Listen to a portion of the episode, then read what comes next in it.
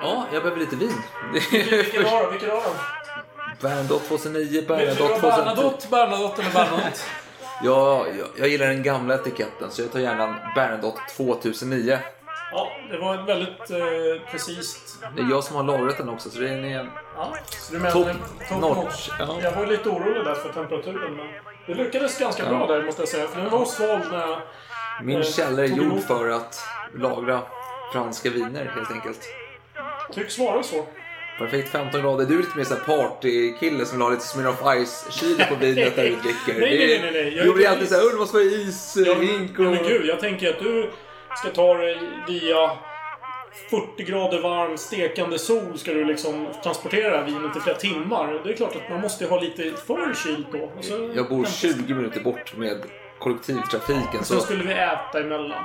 och du har en vinkyl. Så det är inte Ja, direkt jo, så att... det, det gick bra. Vi ska inte klaga för mycket. Det, det var Nej, jag, tycker jag är väldigt nöjd med min lagring faktiskt. Jag tycker den är väldigt Jag tycker de andra exceptionellt höll bra temperatur. Lite förkylda tycker jag.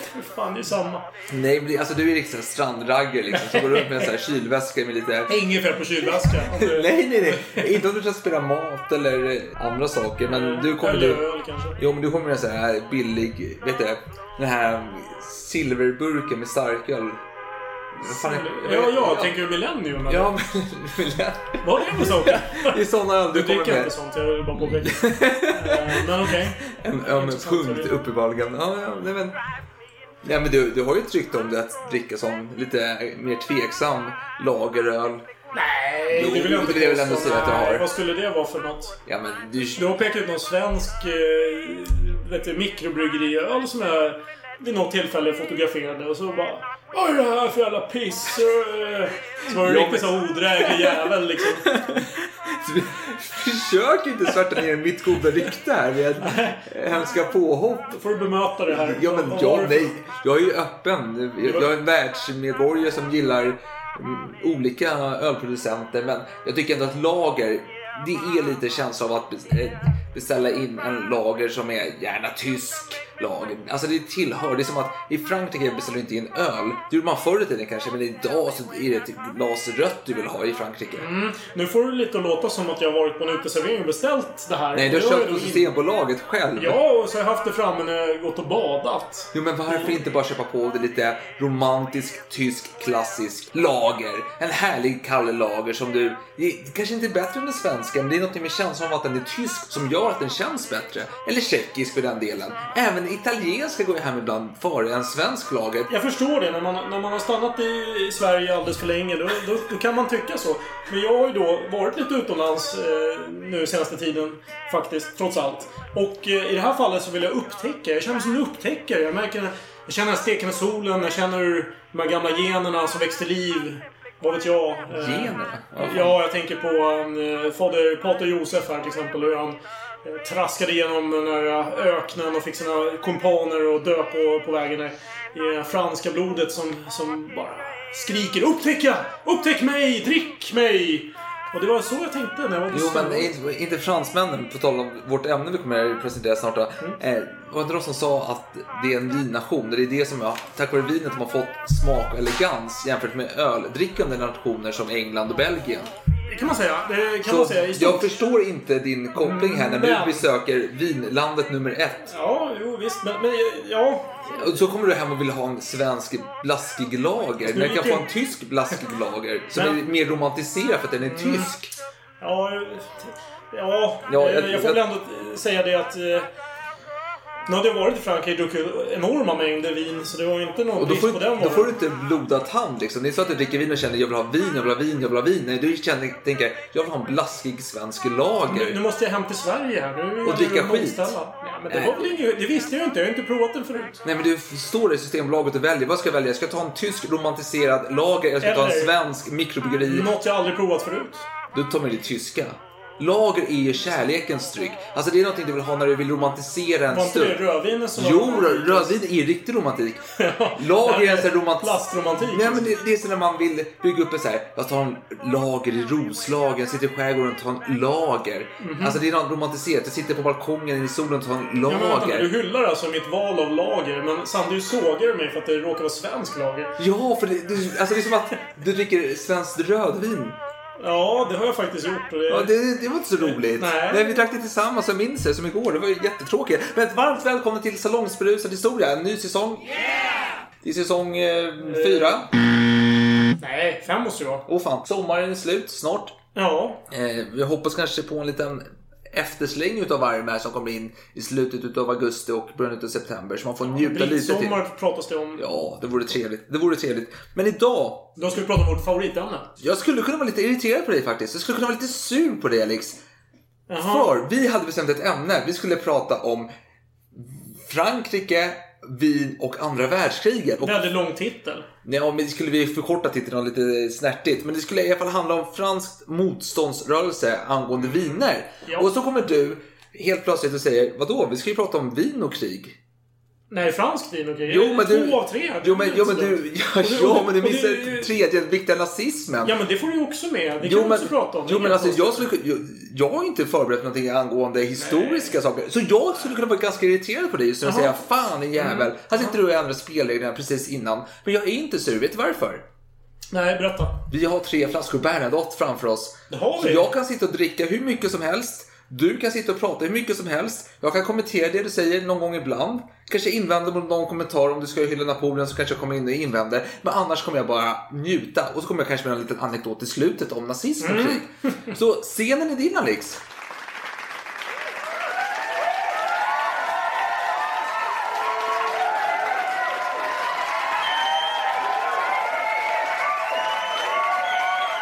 Tack så mycket.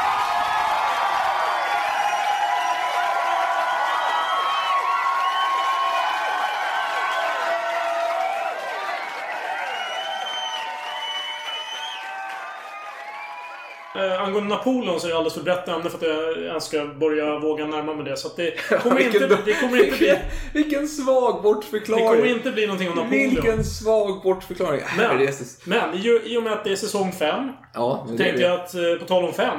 Eh, fem. Femte, femte århundradet. År 496. Vad hände då? Jo, Clovis! Ja, Den klassiker. gamle franken. Ja. Hans kungarike som då bestod av en mindre region där runt Reims. Mm. Han hade erövrat den från romarna som var hans gamla arbetsgivare. Ja, Och eh, illojal. nu hotades hans rike av en massa odjur. Nämligen alemanerna. Ja. Alemaner, det, betyder alla man. Alltså det är någon slags eh, koalition av germanska stammar som har gått ihop för att jävlas med den här stackars Clovis. Ja. Och eh, nu ser allting ut att gå åt helvete. De håller på att slåss här för fulla bu- för, för, De håller på att slåss här för fulla bullar! Och... eh, vad fan heter det? Fulla muggar. Och de slåss här för fulla muggar! Och sen tänker han bara, det här kommer ju inte bra. Alltså, jag, jag ber till mina gudar och de Skiter ger mig inget. De Nej. skit, de pissar på mig. Så att eh, nu, nu är han desperat där. Så att han tänker på sin kristna fru, Clotilde. Ja. Som, eh, ja, hon har ju någon annan gud där. Som, Ja men det är ett namn som har försvunnit i historien lite tycker jag. Jäkligt starkt namn. Fler borde ju döpa sina barn. Mm. Till det, helt enkelt. Just det. Ja, okej. Eller tycker inte du det? Du, du tycker att det är... Clotilde. Alltså, är inte lite mysigt såhär Clotilde? Det hör man inte längre. Jo, det är lite trevligt. Man vill ju gärna gå på en sån här bayersk ölstuga Ja, och bli serverad av Clotilde. Det är Ja, ja, fantastiskt trevligt. Men i alla fall. Han ber nu till eh, den här nya guden och så säger han det. Jag bara, ja men... eh, Ja, jag har ju provat alla mina gudar så det går åt helvete. Men om du gör, ger mig någon slags seger här eller räddar mig från det här eländet. Ja, men då kommer ju jag svära min trohet till dig. Lättköpt. Och precis när han gjorde det, då hände någonting. Då började alla alemaner springa åt alla håll. Alltså, de började fly här helt plötsligt. Helt fantastiskt. Och det beror på att den här ledaren för dem har blivit dödad av en yxa. Så Clovis, han blir ju eld och lågor här. Så han eh, låter döpa sig av biskopen i Reims, i hjärtat av champagne. Och eh, dricker förstås vin för att fira detta. Ja, vi nämnde ju avsnitt 9 också, avsnitt om champagne. Inte så utförligt, men vi nämnde att han blir krönt där och dricker vin. Historien går i cirklar. Ja, Även så i denna podd. Eh, och eh, givetvis då inte bubblande champagne. Och det har vi också pratat om i Mm. avsnitt 9. Eh, med- utan förstås rödvin. Men det finns en koppling. Vi har krig, vi har vin. Eller hur? Ja, jo. Fast det här är fest och vin. Eh, ja, avslutning Ja, men, ja, men det är lite så här, man firar att man har vunnit någonting. Ja, Det är inte visst. riktigt... Det finns någon slags koppling. Jo, jo, det finns en koppling, men den är inte så stark som man kan hoppas att det ska vara. Jag får bättra mig. Ja, då får du Eh, en ny chans. Så om, Ja. vi, om vi stannar kvar här i okay. Reims så ungefär tusen år. Ja, tänker jag. Ja. Till Har du varit där förresten? Eh, Nej, jag har inte varit där faktiskt. Så jag vill jättegärna åka dit. Så det får Mm. bli någon gång. Det är ju bara Frankrike en gång varje år så det är, Ja, Omöjligt. minst en gång per år. Så det är omöjligt för dig att åka dit då. Nej, Att du inte gjort men det eh, jag har kort semester bara. Ett par veckor liksom. Så då, och det är helt andra sidan landet. Så det Ja. är knepigt. Men alla fall, om vi stannar kvar fjol- tusen år. Mm. Så är 1400-talet. eh, Tänk Jeanne d'Arc. Tänk eh, man ska få den här Karl den sjunde blir det. Att Ja. krönas. Det är Ja. det det handlar om, det här kriget. Då måste man få honom dit. Mm. Och nu i toppen av den här armén, eller vad heter det? Längst fram? Nej, vad, fan, vad är fronten? Vad, heter det? Det som är längst fram i, i klungan. Ja. liksom. Okej, ja, men det, det, det är någon... Första parkett. Ja, första parkett utanför eh, katedralen i Reims, där eh, den här kungen då ska krönas. Ja. Då står det en man som skriker Ja. Hemoet Zozin! Och, och ni får ursäkta mitt holla, min holländska, för det är en holländare som heter Leclerc som Ja, eh, gormar här. Ja. Han har tydligen inte bara gormat utan även slagits ganska bra med sitt svärd. Eh, Så att han blir När han gormar eller innan han Jag gormar? tror innan. Jag har Ja. faktiskt inte källor på exakt vad han har uträttat för någonting. Men Karl den sjunde är i alla fall väldigt glad över den här uh, holländska mannen som skriker Hemoet Zozin! Och han tänker bara, ah, vad säger han? Zozin? Ja, fan. Nu heter han visserligen Leclerc, men fan, jag, han får heta Moet! tänker han. Ja. Varför inte? Och Moet, det vet ni alla. Moet de Chandon, det är ett känt franskt champagnehus. Han är Ja. alltså någon slags urfader till dem. Okej. Det här måste ju förtydligas såklart. Vad, vad, är, vad betyder Hemoet Zozin? Det betyder det måste bli så. Ja, just att kungen måste krönas. Det måste bli så! Det måste bli så! Okej. Det är det han skriker tydligen. Men i alla fall. Ja, ja, ja. Eh, ja. Leclerc. Nu försöker jag hitta vaga kopplingar mellan mina anekdoter. Leclerc betyder typ eh, blixten. Typ, så här, på franska. Och eh, jag tänker efter eh, regn kommer solsken. Vi har blixt här och regn. Nu kommer Solkungen. 1600-talet. Eh, Oj, oj, oj. Du skulle, inte, du skulle inte få jobb på här nyhetssändning. nej, nej. Med den övergången. Tråkigt att höra det. Jag vill gärna ha lite mer vin medan du Ja, jag vill också ha mer. orerar. Jag vill ha nian. Var Fortsätt är nian. vår, var är vår sommelier? Vilken kör vi? Nian igen? Ja, nian. Den höll en smörkålig... Du är Kvalitet. Väldigt självgod där för din lagring. Ja, men den är fantastisk. Den har en intressant färg jämfört med de två andra faktiskt. Den är, Jag säger att den är violett. Du säger att den är... Jordröd. Mm. Om nu jord kan vara rött. Men, ja. Det vi, det vi ska säga här... Solkungen var ju framme med sina trupper, då är den röd. ja.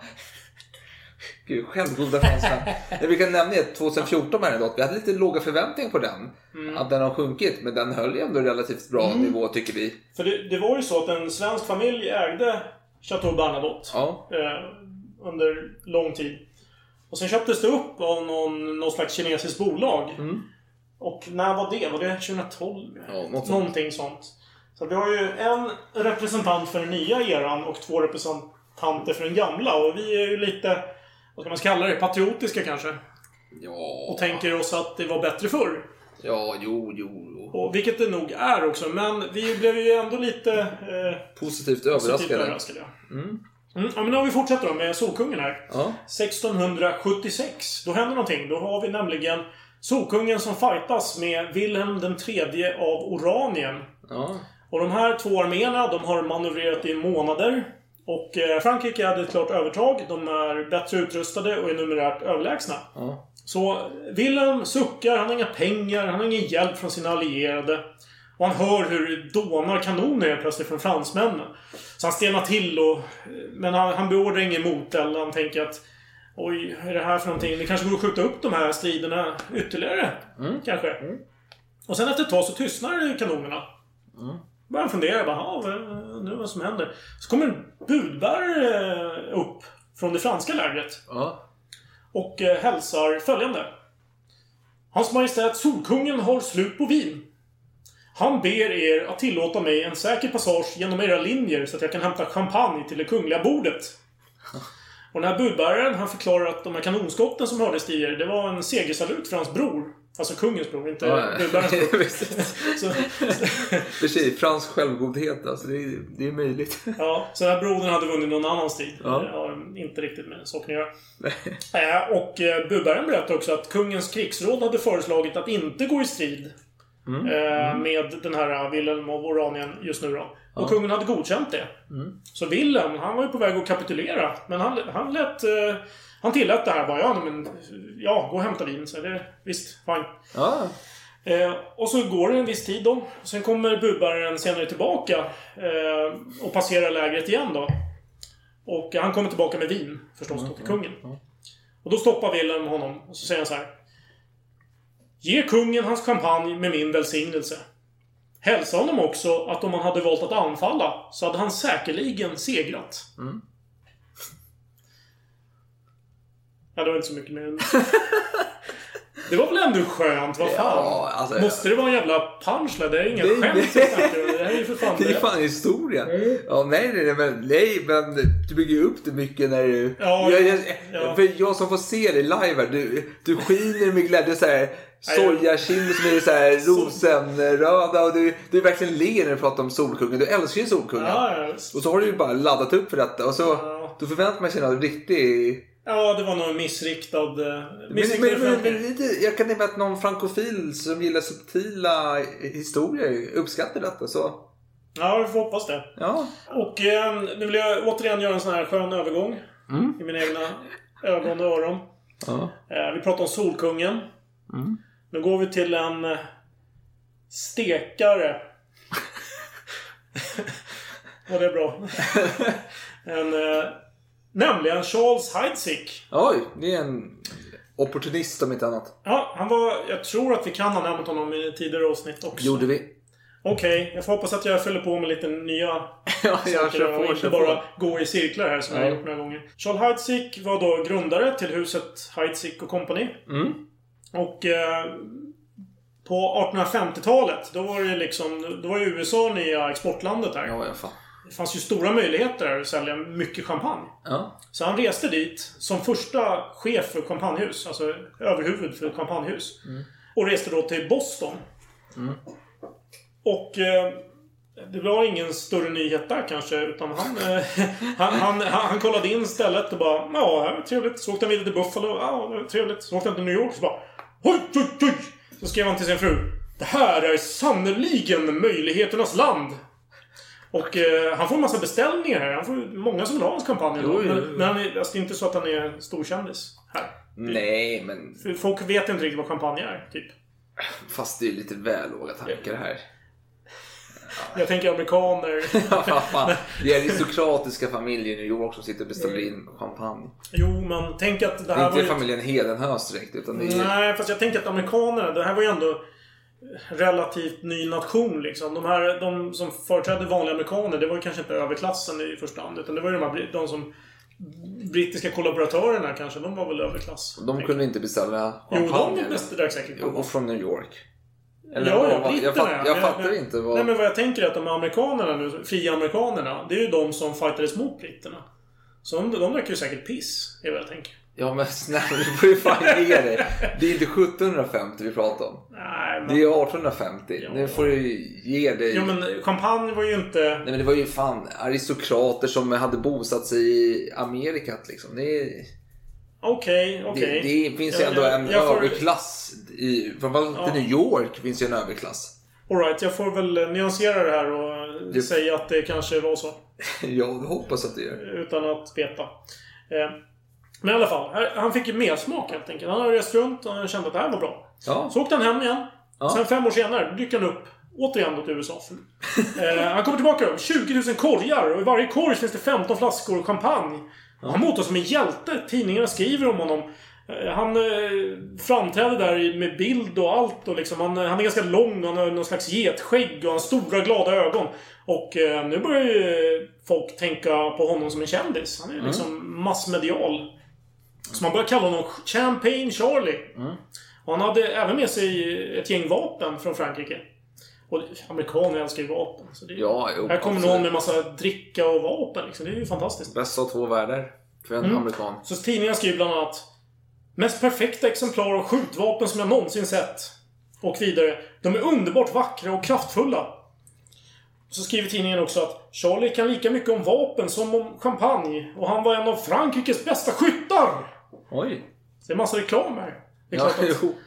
en, en, ja, det är mycket... Man rider ju på vågen liksom. Det är lite som att vi har en superkändis Fan vet jag. Ska vi dra något... Har vi något svenskt exempel? Jag vet inte. Nej, men kan ta en historisk kändis? Uh, Jan Johansen. Jan Johansson. Nej då.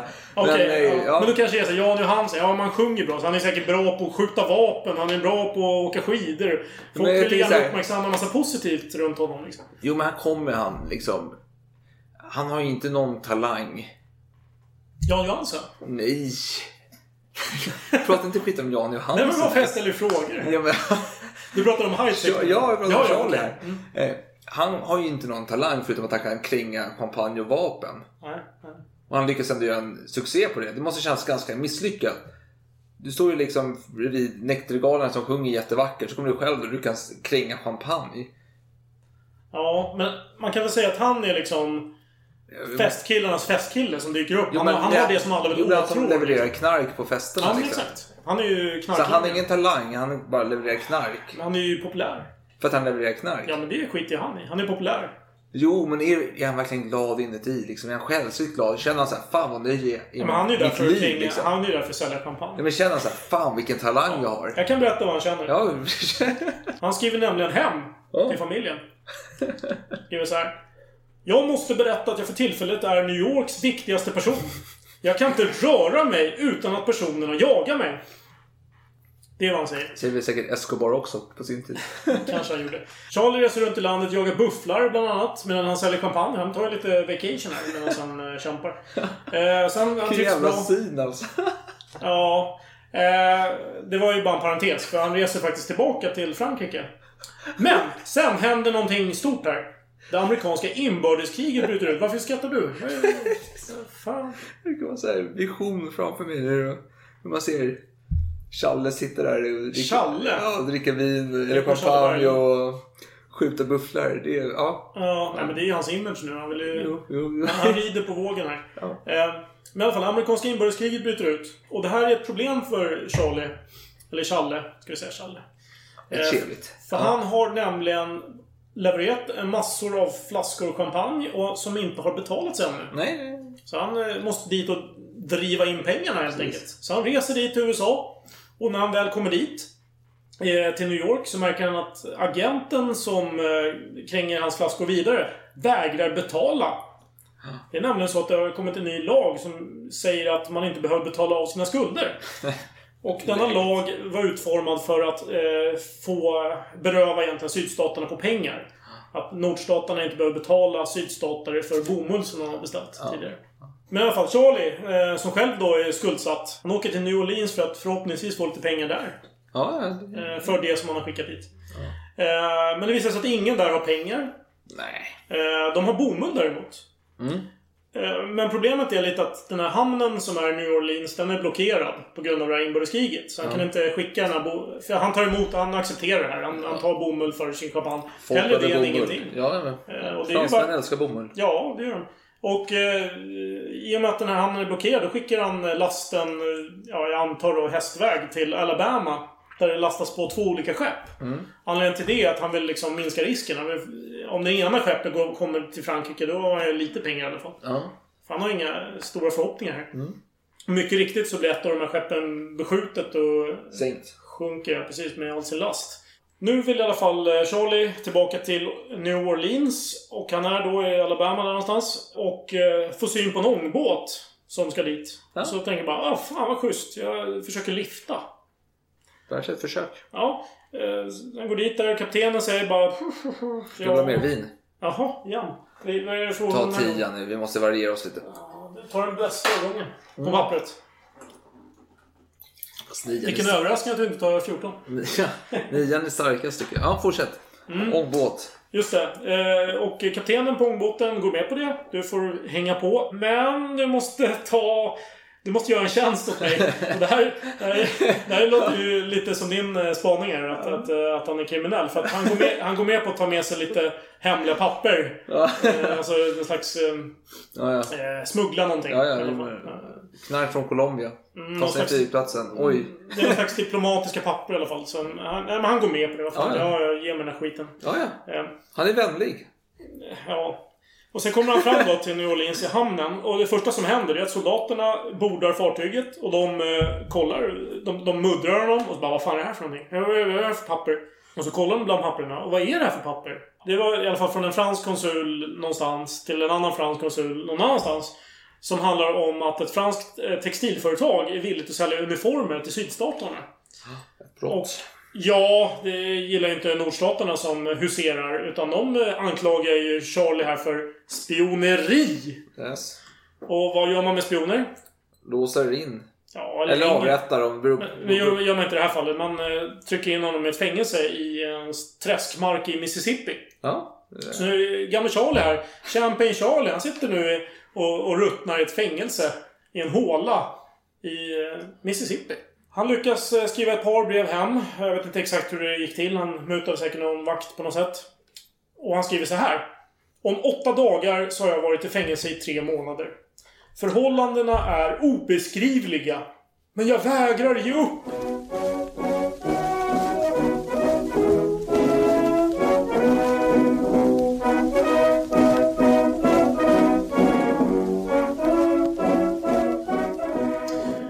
Tag då, när han väl släpptes, för det gör, blir han till slut, eh, efter en del diplomatiska påtryckningar. Då såg han ut som ett spöke. Det var ingen som kände igen honom. Han var helt förstörd. Eh, Han behövde återhämta sig i flera månader innan han kunde resa hem. Och han var ju utblottad. Han har ju inte fått en enda krona för... Eller frang, eller vad det nu blir på den tiden. Kommer hem och gråter en massa. Och när han sen är hemma i Frankrike, då händer ett mirakel. Vad händer då? Det kommer ett telegram om att en präst vill se honom omedelbart. Oj. Och det här är ganska sent på kvällen, men Charlie han hoppar på sin häst och rider iväg till den här prästen. För prästen hade varit vid hans familj någonstans, i en grannby. På Ja, något sätt. ja. Och den här prästen, han ger honom en bunt papper och en karta och säger så här. Detta är ditt. Och, och de här papperna och kartan kommer från USA. Mhm. Och de kommer dessutom från brodern till den här agenten som lurade honom i New York. Mm. Med, som vägrade betala ut de här pengarna. Som, han åberopade den här lagen. Mm. Mm. Men den här brodern, han har känt att nej, men det var ju ganska skamligt. så Liksom, det var inte hedervärt. Nej, nej, nej, nej. Så vad var de här papperna man fick? Jo, det var äganderätten till stora delar av Denver. Det var typ en tredjedel av staden. Ja. Så det är enorma summor. Fantastiskt. Ja, det är en tunn luft Så- uppe i så- Denver för sig, men ja, absolut. Ja, nej men Charlie vill ju inte... Han vill inte bo i USA. Nej, inte i Denver, Danvik kanske. helvete, 1850, Jesus. 60 Men han säljer av all den här skiten. Men det är ju värt en massa pengar. Så han kan ju betala av sina skulder. Så nu eh, Så han går lever han lycklig alla sina dagar. Plus minus noll, eller? Det vet jag inte exakt. Men han, han blir glad här. Han var ju utblottad nyss. Jo, jo, men, jo, men alltså... Men det är massa pengar. Jo, men-! Men var det här din historia? Ja. Nej, men nu får du ge dig. Nej, vad fan. 80% drog vi i avsnitt 9. Nej. Jo, jo 80% minst. Resten, din punchline här. Du, du får höja dig. Jag hoppas du alltså har... Vilken sågning. Ja, men du har, Nej, du har jag alltså tryckt bort, du har tryckt bort nazism och vin för att ersätta med detta. Ja, tryckt bort. Vi, vi ska nog ge dig lite prime time. Nej, och jag, jag vill inte prata så mycket om nazism och vin. Jag vill bara dricka vin och Ja, men lyssna då på dig. så. Håll tyst nu Dick. Ja, ja, ja. Då Ja, fortsätter vi. ja jag kör på. Nu tänker jag så här. Nu har vi pratat om Amerika. Så nu ska jag hitta en röd tråd där mellan den här anekdoten och nästa. Eh, eh, vi är kvar i Amerika. Vi, vi är i slutet av samma krig som vi precis avhandlat. Slutet på amerikanska inbördeskriget. Och nu har vi en, eh, en diplomat, kan man väl kanske kalla honom. Han jobbar i alla fall för USAs konsulat i Frankrike. Det är kul. Robert Tomes. Jaha. Och hans uppdrag, det var att samla in avgifter på champagne som har exporterats till USA. Ja. Så av någon anledning så åker han till Reims, alltså som är liksom centrum där för champagne. Ja. Och eh, när han väl kommer dit så är det riktiga bönder där borta. Det är en stor händelse att det kommer en främling på besök. Och det märker han, för att folk, han märker att folk klär upp sig, en del fnissar och liksom pekar och han känner sig verkligen så här... eh, en- Uttittad. Ja, uttittad. Helt klart. Eller eh, i en positiv känsla. Ja, nej. Folk ser ju upp sig för honom. Det är inte så att... eh, Mm. Oftast Jag säger så här. tittar folk snett på en och skrattar åt en om man Ja, men jag- jag tror att han- opassande. Den här Toms är ingen positiv människa, så jag får väl eh, anta att han är negativ till detta. Ja. Okej. Ja, jag tycker det är lite oklart här. Men ja. Ja, det klarnar kanske. Det här var inte min punchline. jag hoppas jag inte. Det har varit jävligt dåligt. Låga förväntningar. Jag känner, jag känner lite sågad. Men jag fortsätter. Nej, nej, nej. Eh, Det är älskvärt. älskvärt. Tomes eh, ska då spendera 18 månader i Champagne. Han är där så lång tid av någon anledning som är oklar för mig. Eh, Att han till och med skriver en bok om sina erfarenheter. Oj. Den heter The Champagne Country.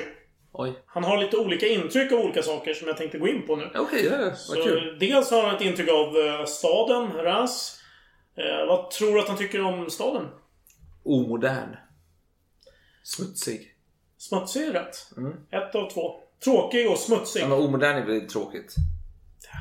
En modernist... Omodernt är nej. älskvärt. Ja, jag tycker det, men alltså en sån här modernist eh, öga så... Ja, du tänker att han är modernist den här Ja, amerikanen? han känns som en sån här förespråkare till betongbunkrar. Ja, han är lite intressant för jag tänker att han är liksom motsatsen till... en- Ja, nej, vi kommer in på det. Vad tycker han om folket då? Tror du? Eh, Högfärdig, dryg, småsint, elak. Allt som Jaha. kännetecknar en fransman. Ja, intressant att du tänker så. Eh, han skriver så här att fransmän har en naturlig ofallenhet för kommersen. Ja, Till ja, skillnad då från tyskar, britter och amerikaner. ja. Han säger att en fransman nöjer sig för det mesta med att justera en färg, skapa ett mönster, uppfinna leksak eller sälja småvaror. De är bra butiksägare. ja. Men han noterar att alla framgångsrika champagnehus, de var antingen ägda eller skötta av en tysk. De enda helfranska husen, de blir bankrutta. Men Fast det här är inte så mycket om fransmän, utan det är mest om eh, hur de är som affärsmän. Det kommer många aspekter. Det här är bara början. Okej, ja, ja. Ehm, Ja, men i alla fall. Det var deras affärsmässiga mm. sinnelag. Men han, han störde sig på allt deras bugande och skrapande med foten. Han tycker också det var alldeles för mycket av hattavtagande. Så han kommenterar följande. Det är inget folk i världen som tar av sig hatten oftare och som ger så många komplimanger. För mig så är det inget annat än ett billigt substitut för äkta hövlighet. Sen kommer en amerikaner och läxar upp de här fransmännen. Ja, ja, De ja. är oartiga och... Ja, det är i och för sig stereotypiskt. ja. Eh, vi fortsätter. Han chockeras över deras okunnighet. En amerikan säger det. Ja, han skriver så här. Deras okunnighet om alla länder utom deras eget är sublimt. Den typiska fransmannen är så absorberad i beundran över sitt hemland att han inte kan erkänna möjligheten av en rival. Så det är en amerikan som eh, chockeras över fransmännens okunnighet om eh, andra länder än sitt eget. Jag, jag kan förstå var han kommer ifrån. Det kan det faktiskt. Eh, Ja, det är intressant. Det är lite omvänt eh, kanske från vad många tycker idag. Att eh, Ja, amerikaner de som bara känner blir väldigt egenkära. De har ju inte Ja, koll på något visst. annat än de själva. Är... Men man känner, de känner i alla fall till andra länder. Det är ju amerikaner som bara känner till sina egna delstater. Ja, Säger stereotypen. jo men frans... Ja. Vi ska inte gå in på denna tröttsamma diskussion. Visst. Vi fortsätter. Fransmän. Eh, han ogillar även fransmännens eh, matvanor. Han säger att de är djupdrickare och äter vidrigt. Han äcklades eh, framförallt då över sniglarna. Ja. Han berättar så här, en lång mening här. Jag måste nog dricka lite vin för att klara av den här meningen. Det tar lite här. 2010 blir bra.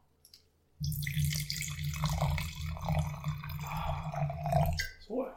Den vanliga snigeln, den slemmiga vandraren i våra trädgårdar, är ett uppskattat inslag i deras diet. Det fula monstret stängs in i sitt skal med en tjock pasta gjord på smör, starka kryddor och mjöl och kommer inte ut. Den stoppas sen i kokande vatten. Efter några ögonblick plockas den ut, serveras och äts med stor entusiasm av dess slukare som med ett litet tvåtandat bestick gjord för ändamålet drar ut snigeln ur sitt skal, håller upp den och sträcker ut den i all sin vidrighet. Kastar huvudet bakåt och släpper den i sin gapande mun. Oj. Han är äcklad, den här amerikan. Ja, ja, ja. Och jag har inget mer att säga om det. Det är Alltså, lite... det vad, vad fan vad du Ja, men klar. alltså det här är, har ingenting med krig att göra. Han Okej. åker i slutet av inbördeskriget till ett fredligt Frankrike för att sitta och beundra fransmän. Ja, Och, eller klaga på fransmän då, men okej.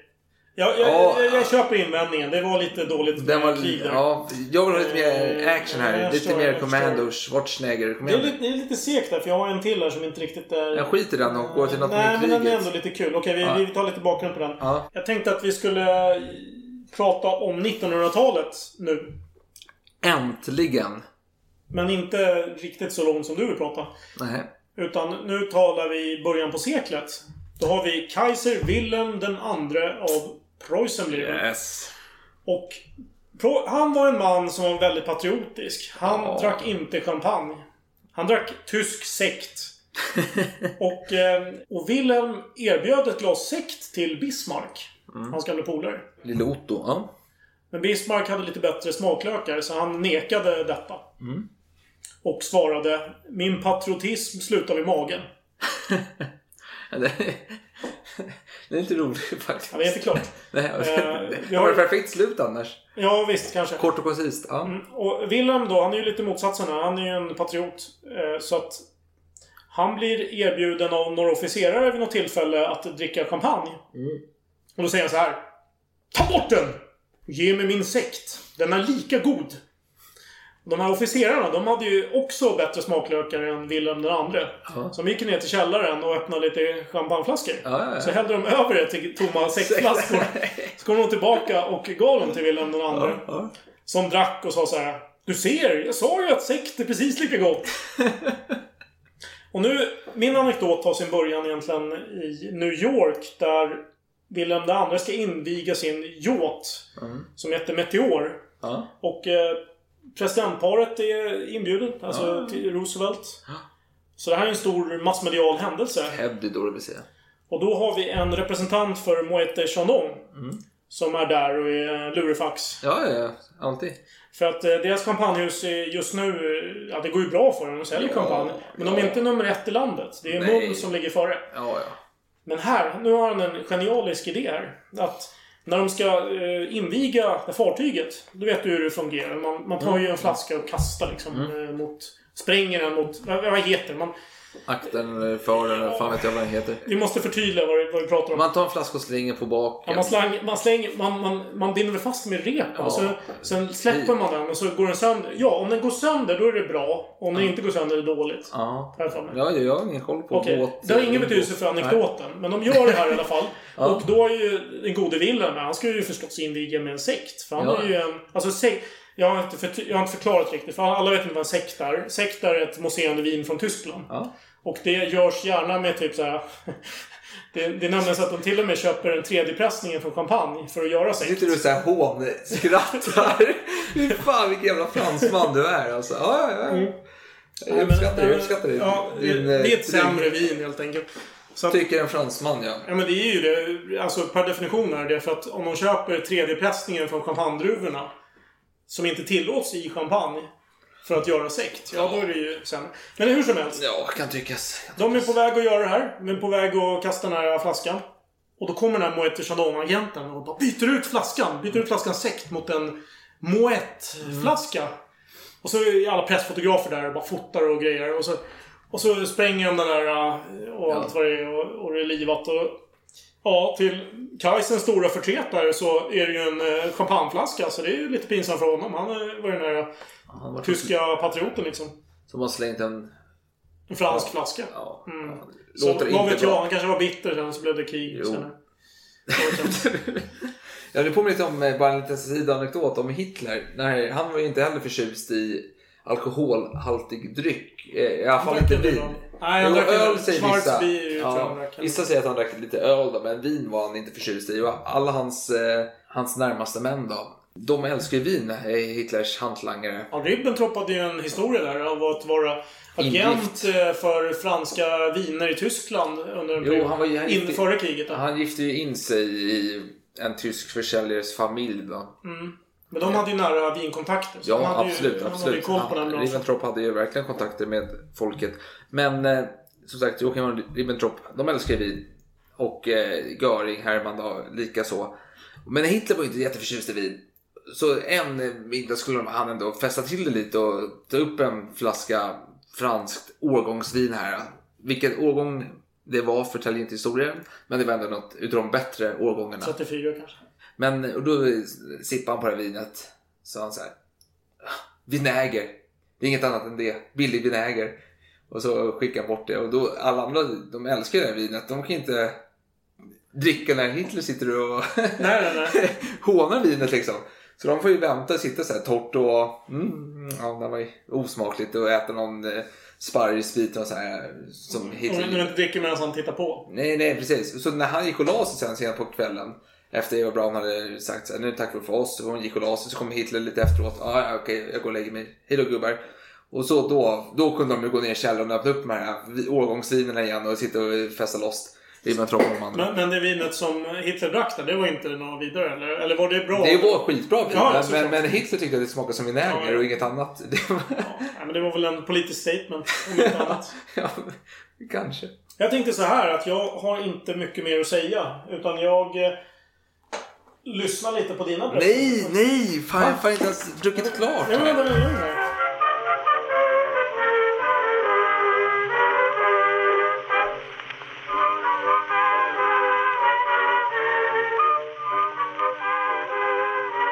fransk vinkunskap är inte jätteutvecklad och har aldrig varit.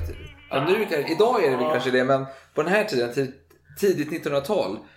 Alltså man hade ju sitt eh, vinhelgon, Martin då, eller Martin eller vad fan vi kallar honom för. Eller Latour då, som eh, var någon så här lirare som åkte runt bland munkar och eh, skulle lära dem ett och annat om eh, vinframställning. Då. Han var ju en bra vinodlare helt enkelt. Så han red på sin åsna som fransmän gör på den här tiden.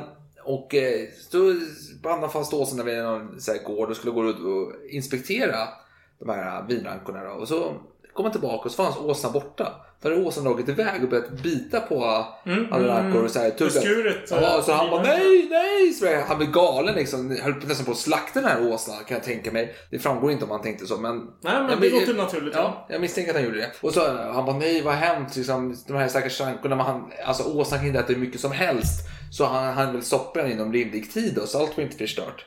Men sen märkte man efter ett år. Sen fan, de här rankorna som Åsa åt på. De jäklar vilken, mm. vad de växer och har sig och lever loppan. Ja, eller liksom. vinet blev gott, ja, eller hur? Det, det var ju mycket godare. Det var ju mindre av det, men det var mycket godare ja, än det andra. Ja, men det blev kvalitet på mm. det hela.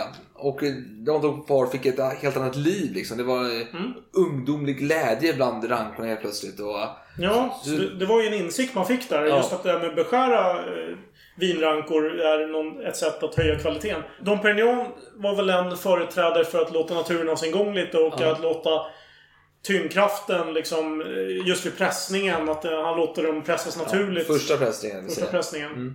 Jo, absolut. Men skitsamma, vi pratar mer om Dom Perignon i avsnitt 9 som sagt. Men eh, fransmän, liksom, beskärning av sina rankor. Det var lite, ja, den här historien levde vidare. Det var därför man gjorde det. Man, ja. man, det är lätt rimligt. Det kan ju vara en skrön också.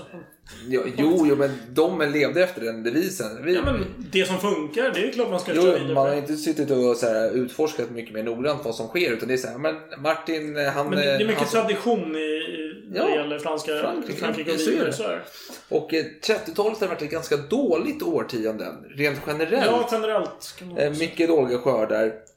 Och men 39 det mm. skulle bli en toppenår. Det började skitbra. Det var varmt, det var härligt. Livet lekte. Folk var på stranden och vinodlare satt och jublade över att deras eh, eh rankor höll på att få livfart. Det växte och det frodades och glädje. Och sen kom i juni Sex veckor. Regn, regn, regn, regn, regn, regn, regn. Nonstop regn. Det var oavbrutet. Det regnade hur mycket som helst. Och då tänkte jag, fan den här skörden är förstörd. Och eh, du noterar det i augusti, när det har gått sex veckor. Det här är förstört, det här går inte. Och sen första september, vad händer då?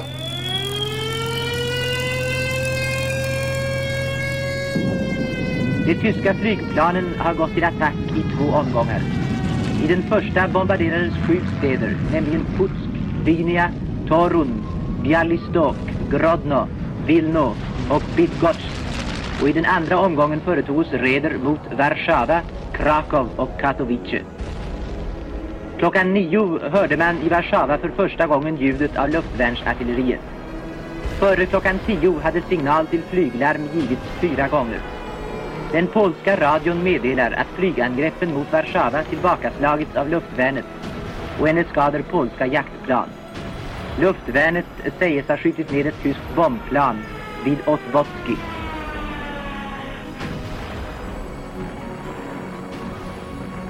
Ja, men tyskarna de attackerar Polen den 3 september. Vad då? Jo, Frankrike och England eh, förklarar krig mot Tyskland.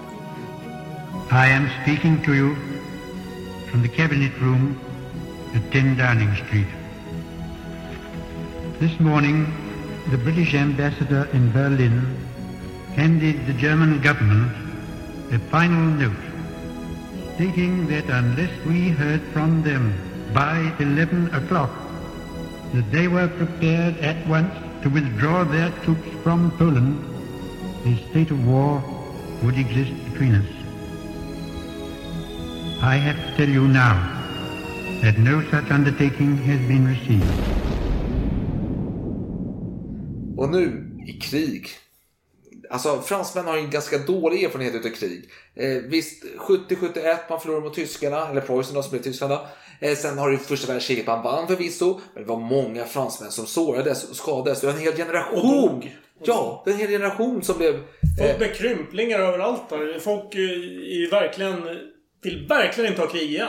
nej. Och eh, fransk vinproduktion kräver ju sitt folk, om vi säger så. Ja, absolut.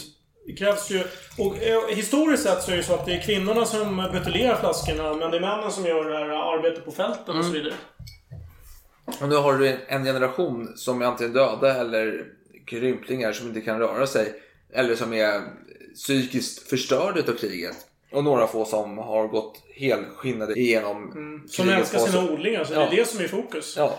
Men det är ett folk som inte vill ha krig. Alltså man, man har fasor från kriget. Man vet vad det har gjort med en tidigare. Samtidigt som han romantisk bild. Du har ju, du har ju fått mycket stake från Foch och company som har Ja. lett eh, eh, nationen till ära och framgång till det. Så man är lite kaxig Jag vill, här. jag vill använda en, eh, ett uttryck, att vila på sina lagerblad. Ja, är det franskt? Det är vad fransmännen gjorde över den tiden. tänker jag. Ja, jo, Nej, det är svenskt. Det är. Är det? Eller är det. Nej, det är nog franskt. Fan. Ja, skitsamma. Det känns franskt. Ja, men i alla fall, fransmännen, eller franska regeringen, de vet ju vad vin innebär för Frankrike.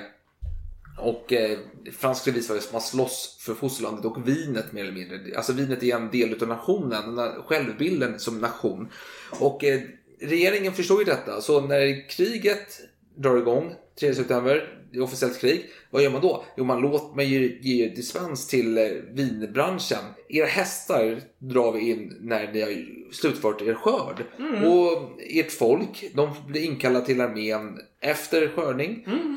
Stor respekt för Och eh, eftersom att det är lite jobbigt så skickar vi lite folk till er också. Militära förband som får sitta och hjälpa er att plocka lite druvor. Mm. Och för att ge lite bakgrund till det där, så den store Petain, Mm. han var fortfarande stor i den här tiden. Ja, ja, han var jättestor. Han hade ju uttalat sig att vinet var en stor del till eh, segern i första världskriget. Just Ja. det där vinet, det var viktigare än någonting annat för soldaterna. Jo, han sa ju så här faktiskt, för att citera honom. Eh, av alla leveranser till armén var vinet utan tvekan den ivrigaste, väntade och mest uppskattade. För att få vinranson utsatte sig den franska soldaten för faror, gav sig ut i granatregnet och trotsade militärpolisen. I hans ögon var vinransonen nästan lika viktig som ammunitionsförråden. Vin var ett simulerande medel som stärkte hans stridsmoral och fysiska välbefinnande. Därför spelade vinet en stor roll i segern. Så att det är inte helt konstigt att man eh, har respekt för vinbranschen. Nej, nej, så är det verkligen inte. Och Petain kom in lite senare då. Han var inte riktigt, han var, låg i, han var Ja, ambassadör han i Spanien. Han, han solade på Madeira eller någonting. Ja, men han var 80-plussig eh, ambassadör i Spanien. Gammal gubbe som... Ja, han levde på gamla, eh, gamla meriter. Kan man lugnt säga. Ja, men, men det var ju ett skenkrig. Det hände ju ingenting. Det var så att, Phony War heter det på Ja. engelska. ja, men det var ju inte så att det var eh, batalj direkt, utan Fransmännen gick över gränsen, lekte lite, så gick de tillbaka. och så gömde de sig bakom Ja. Maginot-linjen. Ja, och så tänkte man så här, det är krig, det är kul att kriga. Vi sitter och väntar och ingenting händer. Men det är kul liksom. Och soldaten är den modiga... Alltså det är den här självbilden man bygger upp den här modiga soldaten som sitter och försvarar eh, Ja, ja, eh, fosterlandet och så vidare. De har ju bilden från första världskriget. Ja, och så kommer den här debatten i regeringen då, eller i staten får en debatt om att hur ska vi uppmuntra våra soldater? Hur, vad ska vi göra? Och då är någon som kommer med förslag att varje stor järnvägsstation ska servera vin. För det är där soldater samlas. De förflyttar sig från punkt A till punkt B. Och då ska de vara fulla och berusade när de gör det. För det höjer moralen.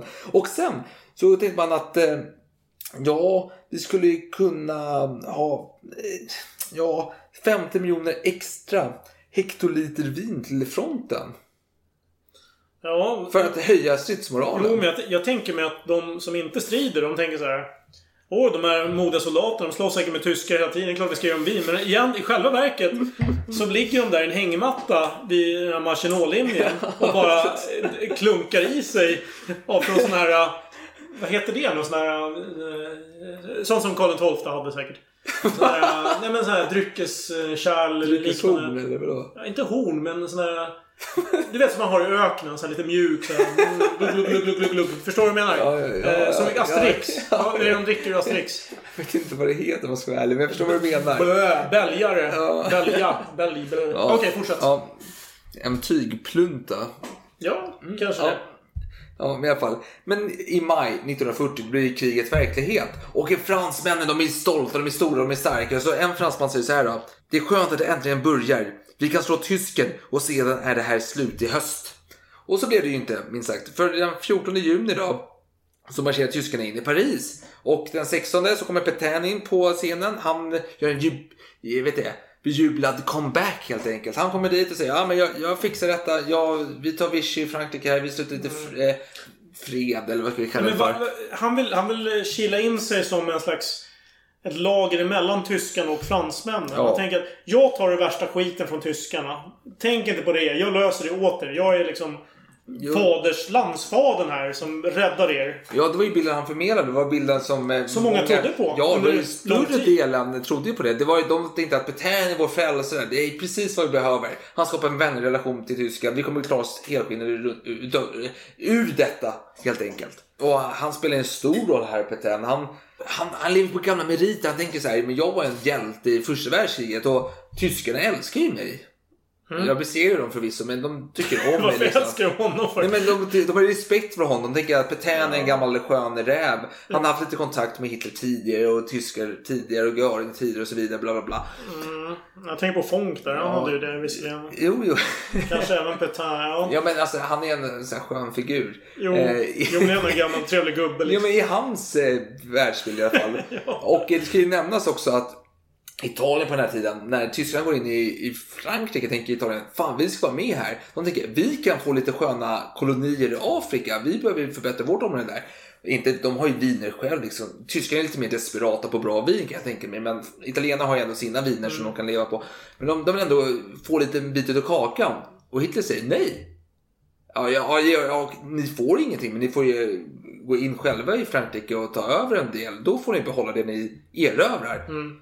Och italienarna har ju en jävla uråldrad militär. De är lite alpinförband som lite är high, high tech liksom. Men resten är ganska svaga, så fransmännen kan ju... Jag hoppas du tar upp det här med Pont Saint-Louis. Den här fantastiska i, vid, tysk, förlåt, vid italienska gränsen där med fransmännen. Nej, jag tänkte. Där 62 man försvarade sig mot Jo, tusentals vet. italienare. Jo, jag, tänkte in, jag tänkte inte ta upp den. Nej, men så- jag vill bara nämna att Italien hade lite anspråk där, men de eh, lyckades inte speciellt bra uppenbarligen. Eh, men skit i Italien, inte det det ska handla om. De fick ingenting. Vi ska prata om Tyskland och Wien och Frankrikes försvar utav Wien. Och de ser Frankrike som det förlovade landet. Det är där... De är vana vid sauerkraut. eh, Vilket Ja, vi, man ska inte snacka skit om sauerkraut. Nej. Men de ser verkligen fransmännen, eller Frankrike som... Här, här finns det trevlig mat och dryck och det är jättetrevligt. Ja, Semesterparadis. ja, absolut. Men jo, jo, så är det. Och Petain är där för att försvara linjen en gång till, tror han. Det är hans självbild. Men eh, trots att Petain är där för att medla mellan Tyskland och Frankrike och han ska ta alla knytnävsslag från Apollo liksom, så eh, går det inte. Vem är Apollo i alla fall? Rocky. Tyskland är Apollo som spöar på eh, Rocky. Nu pratar du Rocky 2 eller Rocky 1 eller nåt sånt här. Nej, jag vet inte vad jag pratar om. Du pratar inte om... Men alltså, eh, Apollo, vem, vem är Ja, Apollo? ja, jag, ja, jag tänker att eh, Ja, Creed. ja, Creed. Han blir spöad utav Dolph Lundgren. Det är det Ja, jag ja, på. nej men det är ju, Det är det är ju. Ivan Drago Ja. mot Apollo och Creed. Precis, förlåt. Jag... Vem är vad här? Nu får du ta det igen. Petain är Apollo. Okej, kommer han, Tyskland- han är gamla mästaren. Ja, precis. stämmer. Ja, och då kommer... eh, Ivan Drago. Som är Som är lite såhär okultiverad. Han bara dopar sig ja, som men, fan. om man dör så dör han liksom. Det är... Ja, det, I är- will break you. Något sånt Han där. kör lite sköna mantran liksom. Mm. Och kommer med knytnävsslag. Och Petain tror då jag är Apollo Creed här. Jag Mm. kan ta denna... Eh, Jag kan ta käftsmäll efter käftsmäll. Men nej.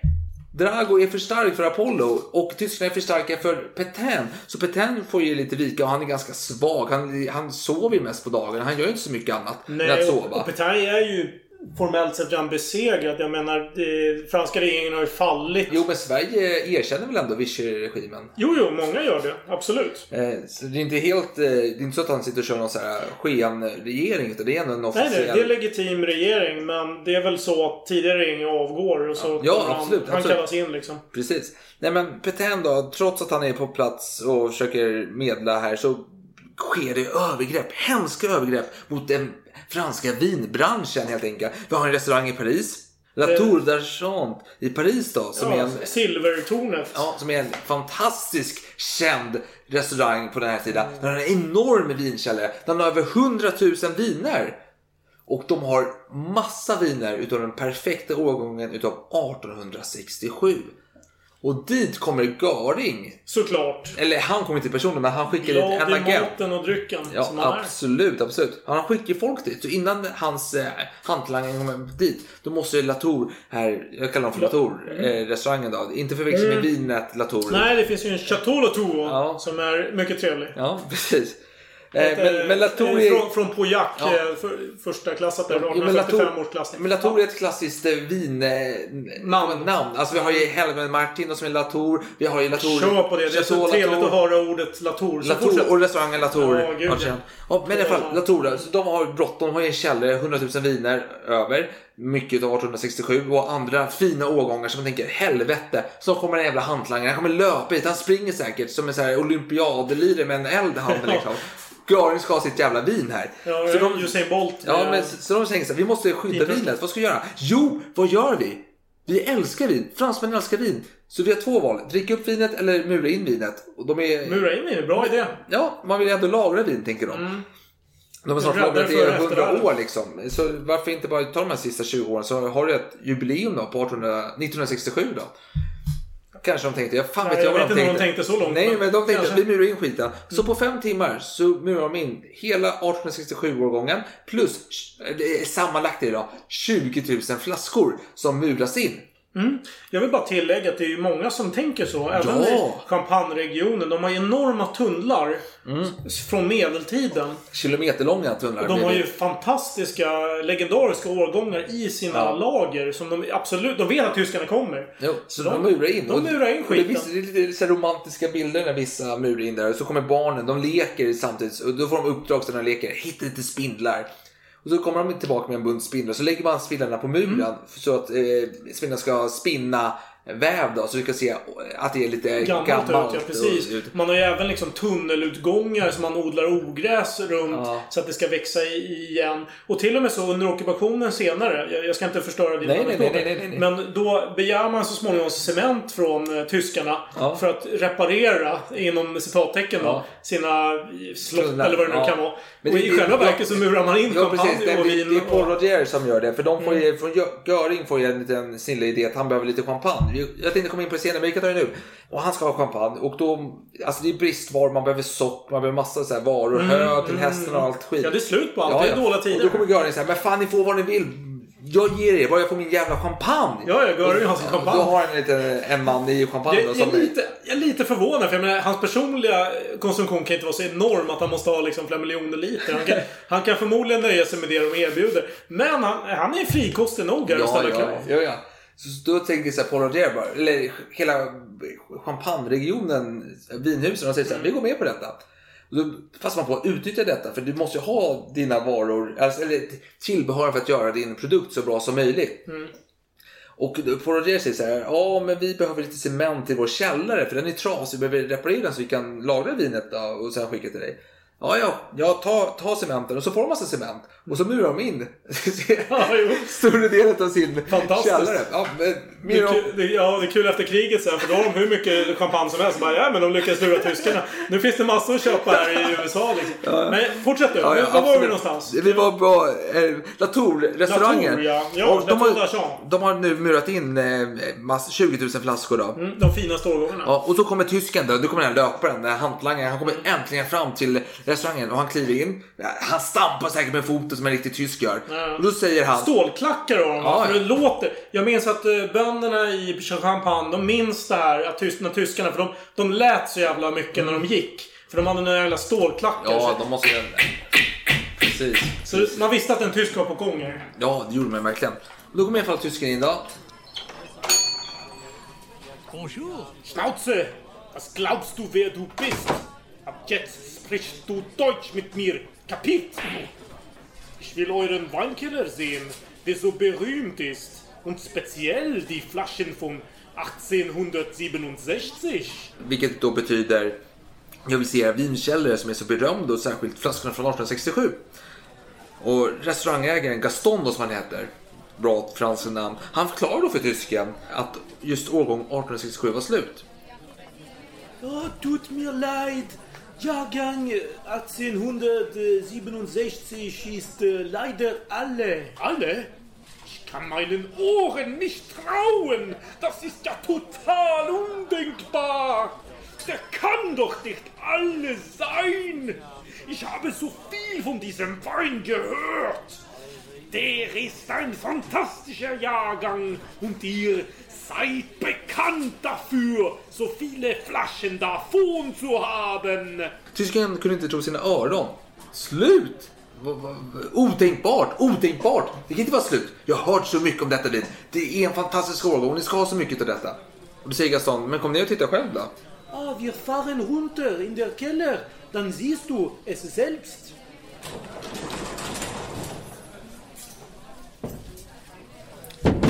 De åker ner och tysk, äh, tysken inte själv, han har ju med sig lite folk då.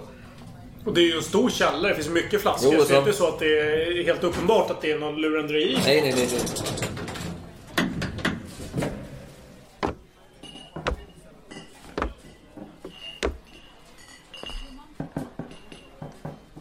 Verdammt! Was ist denn das hier? Es gibt ja nichts Vervolles hier. Kein 1867er. Nicht einmal was von dem großen Wagners Todesjahr. Was für ein Mist! Ich habe gesucht. Es gibt nur massenhaft Chateau-Kram. Nichts von der Aar oder Mosel. Idiot!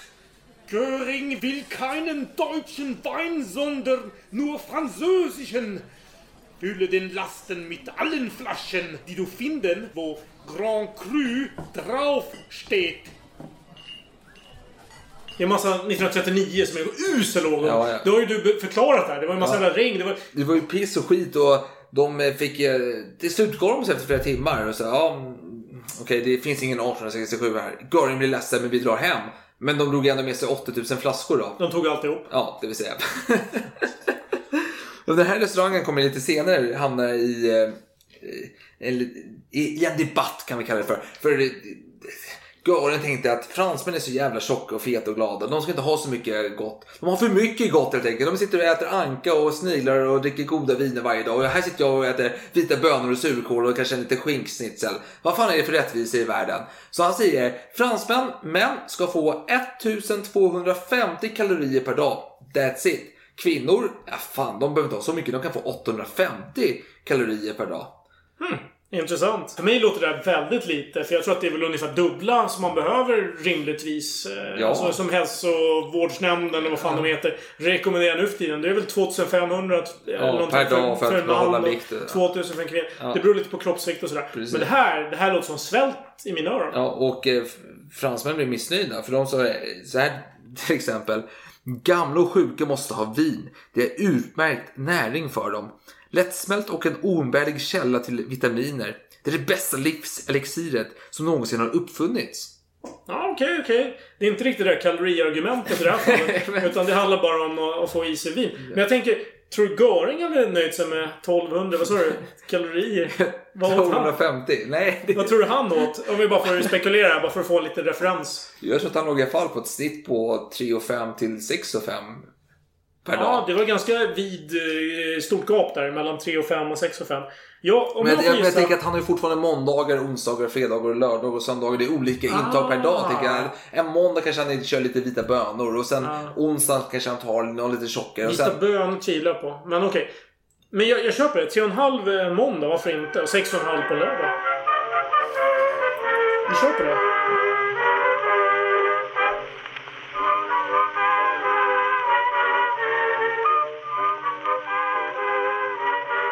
Tyskarnas övergrepp mot den franska vinkulturen fortgick. Det var så att eh, tyskarna de tog alla slott som finns i Frankrike, alla chateauer som finns på vingårdarna.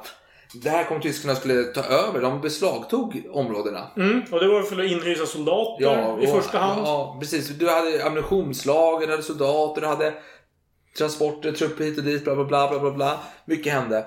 Men det finns ett exempel på detta, det är en gård då, där familjen vaknade upp till att det stod 250 tyska soldater utanför eh, dörren en morgon som knackade på. Så var det en officer så här. Ja, hallå? Ja. Nej, men som sa då att eh, ja, ni, vi ska bo här så dra åt helvete. Ta din familj och dina möbler och dra bara. Ni, ni ska vara ute nu. Men jag, jag ger väl fem minuter att packa ihop det. Men dra fort som fan. Och eh, den här familjen packade allting som de hade. Allt de ägde tog sina möbler. De hade lite hästar och vagnar. De kunde lasta på lite möbler. De hade ju tunga möbler. 1800-talsmöbler. Men de lämnade en möbel kvar i köket. En gammal 1800-talsmöbel som var stor och otymplig. Men den stod ju perfekt, eller de ställde den perfekt. De ställde den precis framför dörren till vinkällaren. För tyskarna hade ju gjort så här på mängder utav slott och bara länsat vinkällarna för det här. Det är inte så att det är en vanlig vinkällare som du har ute på Lidingö. Du kanske hittar 150 flaskor bra vin. Utan här var det tusentals flaskor i ett vanligt chateau som bara låg och gosade nere i källaren. Fina lager, fina årgångar. Ja, fantastiskt! Mycket att utforska. Ja, men- Alltså hade jag varit tysk soldat där hade jag nog inte tvekat att ta lite... prova mig det- fram alltså. nej, men det, det fanns ju historier om att det var någon så här, fransk eh, vinodlare som hade gömt sina flaskor. Och så kom han ner efter kriget och bara Yes, de är oöppnade! Fantastiskt! Tyskarna höll sig borta. Och så öppnade de och så var de tomma. De här, alltså, tyskarna hade öppnat, hällt upp, druckit upp och sen satt på korken och fyllt med någonting så det såg ut som att det var vin i. Ja, där har de skrivit en lapp så här. Tack för den fantastiska vinet. Hoppas det smakar. Ja, det var, Ja, det det var, men, men visst var det så? De hade inte ens brutit upp låset. Det var liksom, man dyr, dyrkat upp Ja, det. ja. Så det såg ut att vara helt Precis, det såg ut som att orört. de inte ens varit där. Så, ja. Ja, det var, det, det var det, fint. skedde, men då, i alla fall, den här familjen de fick fly från sin plats eller de blev utslängda. De fick ta sitt pick och pack och dra. De hade ställt den här otympliga möbeln för dörren och hoppats att ingen skulle upptäcka det. Så gick de till sina släktingar då i grannkommunen Margaux. Åh, Margot. Ja, men det är väl Bordeaux där borta. Ja, precis. Och det var inte, det var, de var inte ensamma här hos släktingarna, det här lilla chateauet de hade flyttat in i. Utan det var mängder utav franska flyktingar som hade åkt dit då, från norra Frankrike efter invasionen. Det här var ju i Vichy-området då. Mm, just det. Eh, Och eh, sen efter några timmar så kom en bil med en tysk i åkande i full fart in på den här vingården. Och, så, och det var ju samma officer som hade slängt ut den här familjen tidigare. Och han var rasande, pulsen bara bubblade i ansiktet på honom. Och han sa följ med mig nu! Så gick de, satte sig i bilen, åkte hela vägen. Och de började tänka gaskammare, vad fan kommer hända nu? Ja, men typ. Så går man in i det här slottet de hade lämnat, hans gamla hem då. Och in i köket. Och tysken pratar inte franska men de lyckas förstå varandra till slut.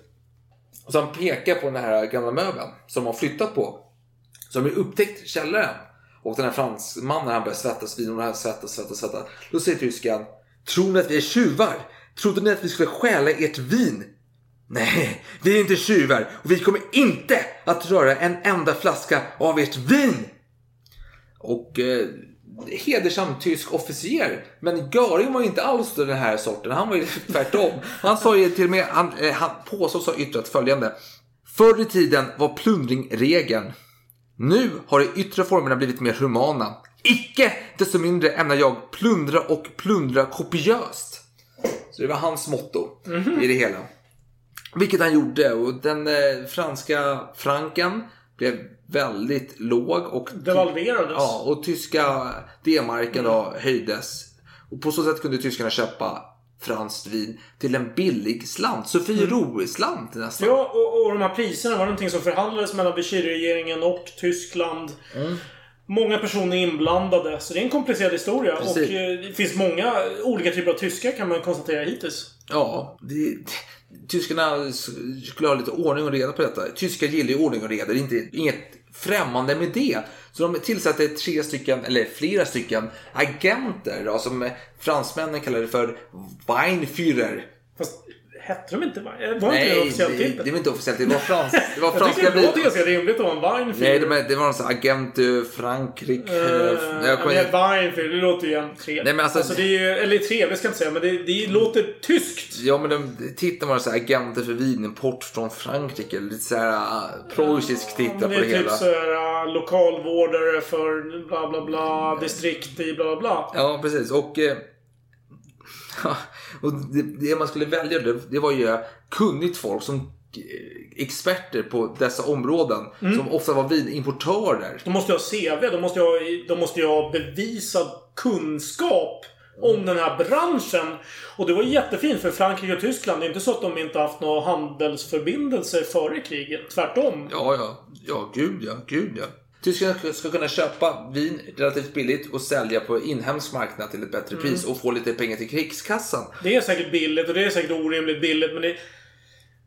Man måste försöka nyansera det här. Jag tror inte att de blir helt utblottade, de som säljer vinet. Det är ändå... De klarar sig ändå på de pengarna, har jag en känsla av. Jo, men det är så att eh, vinbranschen måste ju gå vidare. De måste kunna ha folk, de måste ha material, de måste kunna Ja. eh, Om skörda. de går back så har de ju till slut ingenting att jobba. Det är ingen som kommer jobba. De Tysk- bara svälta och dö. Tyskarna kan ju inte så mycket om vinodling om vi säger så. Men i alla fall. Det kan För, de verkligen inte. Man har ju försökt, eh, vad jag vill minnas, nu kommer inte jag ihåg om det var första eller andra världskriget, men då har man tillsatt tyska bönder ja. och försöka göra... Det, det var soldater skulle hjälpa till och Det gick åt eh, helvete. Ja, det gick inget bra. De hade ingen eh, de hade inte kunskap Det eller teknik. piss. Det var ren piss! Eller sekt. Vad fan. ja, i alla fall. Eh, En av dessa utvalda agenter då, det var, agent var ju titeln då på det hela, var Heinz Böhmer. Bömers. Yes, men jag kallar honom för Heinz helt enkelt. Efter ketchupkungen. Ja, ja men det finns mycket att säga om Heinz, alltså ketchup. Vi kan ha många anekdoter om det, om hur de hade badhus på arbetsplatsen. Fantastiskt eh, kreativa och nymodiga för sin tid. Men vi tar det till ett annat Det blir tillfälle. ketchup-avsnittet. Ja, va? Nej, fortsätt. Cashew? Ka- ketchup? Ja, kanske. Vad fan. Jag tänkte så. Fan, tänker du på nötter? Jag förstår inte riktigt. Cashewnötter. Bernadotte, nötter. Vad, vad fick du det ifrån? Ja, Ja, ja, ja, i alla fall. Heinz då, lilla Heinz. Han var ju chef för den största tyska vinimportörsfirman Reidemeister och Ulrichs på den här tiden. Och han var ju en uttalad antinazist, eller uttalad var han inte, men han var internt uttalad antinazist. Det sägs då att han 1939, den 3 september, när eh, Amerika- eller britterna och eh, fransmännen förklarade krig mot Tyskland, ska ha gått till sin son och sagt att vi har förlorat kriget. Det är kört med oss, men säg inte till någon för då kommer vi straffas. Men vi har förlorat. Amerikanerna kommer lägga sig i och vi kommer förlora. Det, det är kört. Och den här Heinz då, han, när de, efter det här, att han sagt det till sin son. Bömers, tänker du på. Ja, Heinz. Ja, men Böhmers. jag gillar Bömers bättre. Nej men Heinz låter bättre, lite mer familjärt med Heinz, Heinz. tänker, jag kan- tänker ketchup. Men tänk att den är ketchupmannen. Okej, ketchupmannen. Ja, ja, Heinz. Alright. Heinz. Han är i alla fall... Han har varit där på sitt landställe i Bayern när han eh, hörde radiotalet om att Frankrike och England har förklarat krig mot Tyskland och han säger till sin son i enskildhet vi kommer förlora. Säg inte det till någon. Då åker jag hem. Hemma så möts han av eh, rektorn till hans sons skola då och säger ja vi har ett problem här. Din son är ett problem. Säger Heinz. Jaha, vadå då? Nej, alla elever här är med i nazistpartiet. Men din son är inte med. Vi behöver få med honom här liksom. Annars eh, någonting som händer med vårt tillstånd hit och dit. Oh, nej, men jag är inte sugen på att sätta min son i nazistpartiet eller Hitlerjugend eller fan vad det är för skit. Det säger han så här, ja men vi har ju en orkester också. Säger Heinz, ja orkester? Ja, han spelar för sig flöjt så det kan väl tänkas. Hur ofta repar ni liksom? Ja, tre gånger i veckan. Ja, jag skriver på honom på den jävla skitflöjtgrejen i orkestern och han får väl köra det då.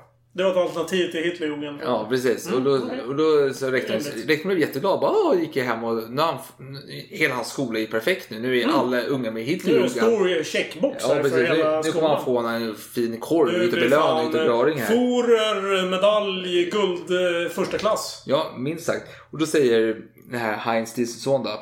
Du går dit en gång i, i veckan.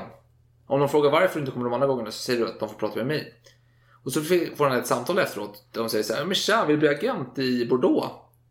Han bara, han är 47 år gammal ungefär då. Så han är, han är lite åldrig här. Så han tänker, ja men fan. Åldrig är väl att ta i. Men Ja, men, okej. ja, men på den här tiden. Tänk dig att fan. Vad fan, det är inte stenålder. Ja, men tänk dig- 47 ja, men tänk dig när För fan, Petain Ja, var ju men- 80 plus. Jo, han satt och dreglade i en rullstol typ dygnet runt. ja.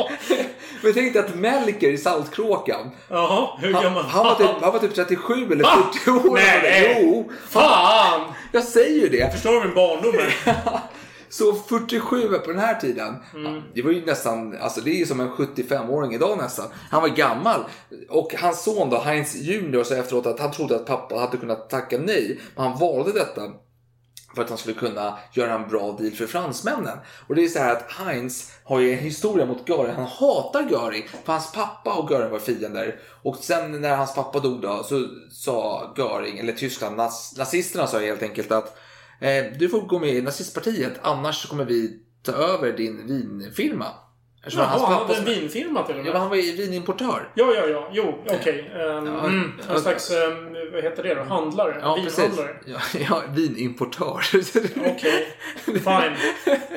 Ja, det lät som att han hade vingård, men jag, Ja, jag missuppfattade. jo, fast han har haft vingård. eller Hans familj hade... I Frankrike, I eller hur? Frankrike. Just det. Så han talar ju flytande franska. Men det blev, var det inte så att efter fransk-tyska kriget, då var Nej, det, fransmännen var, nej, det, var innan, det var under första världskriget så tog eh, fransmännen över alla tyska egendomar. Nationaliserade Ja, egendomarna. i- och i- slängde bort alla tyskar. Precis.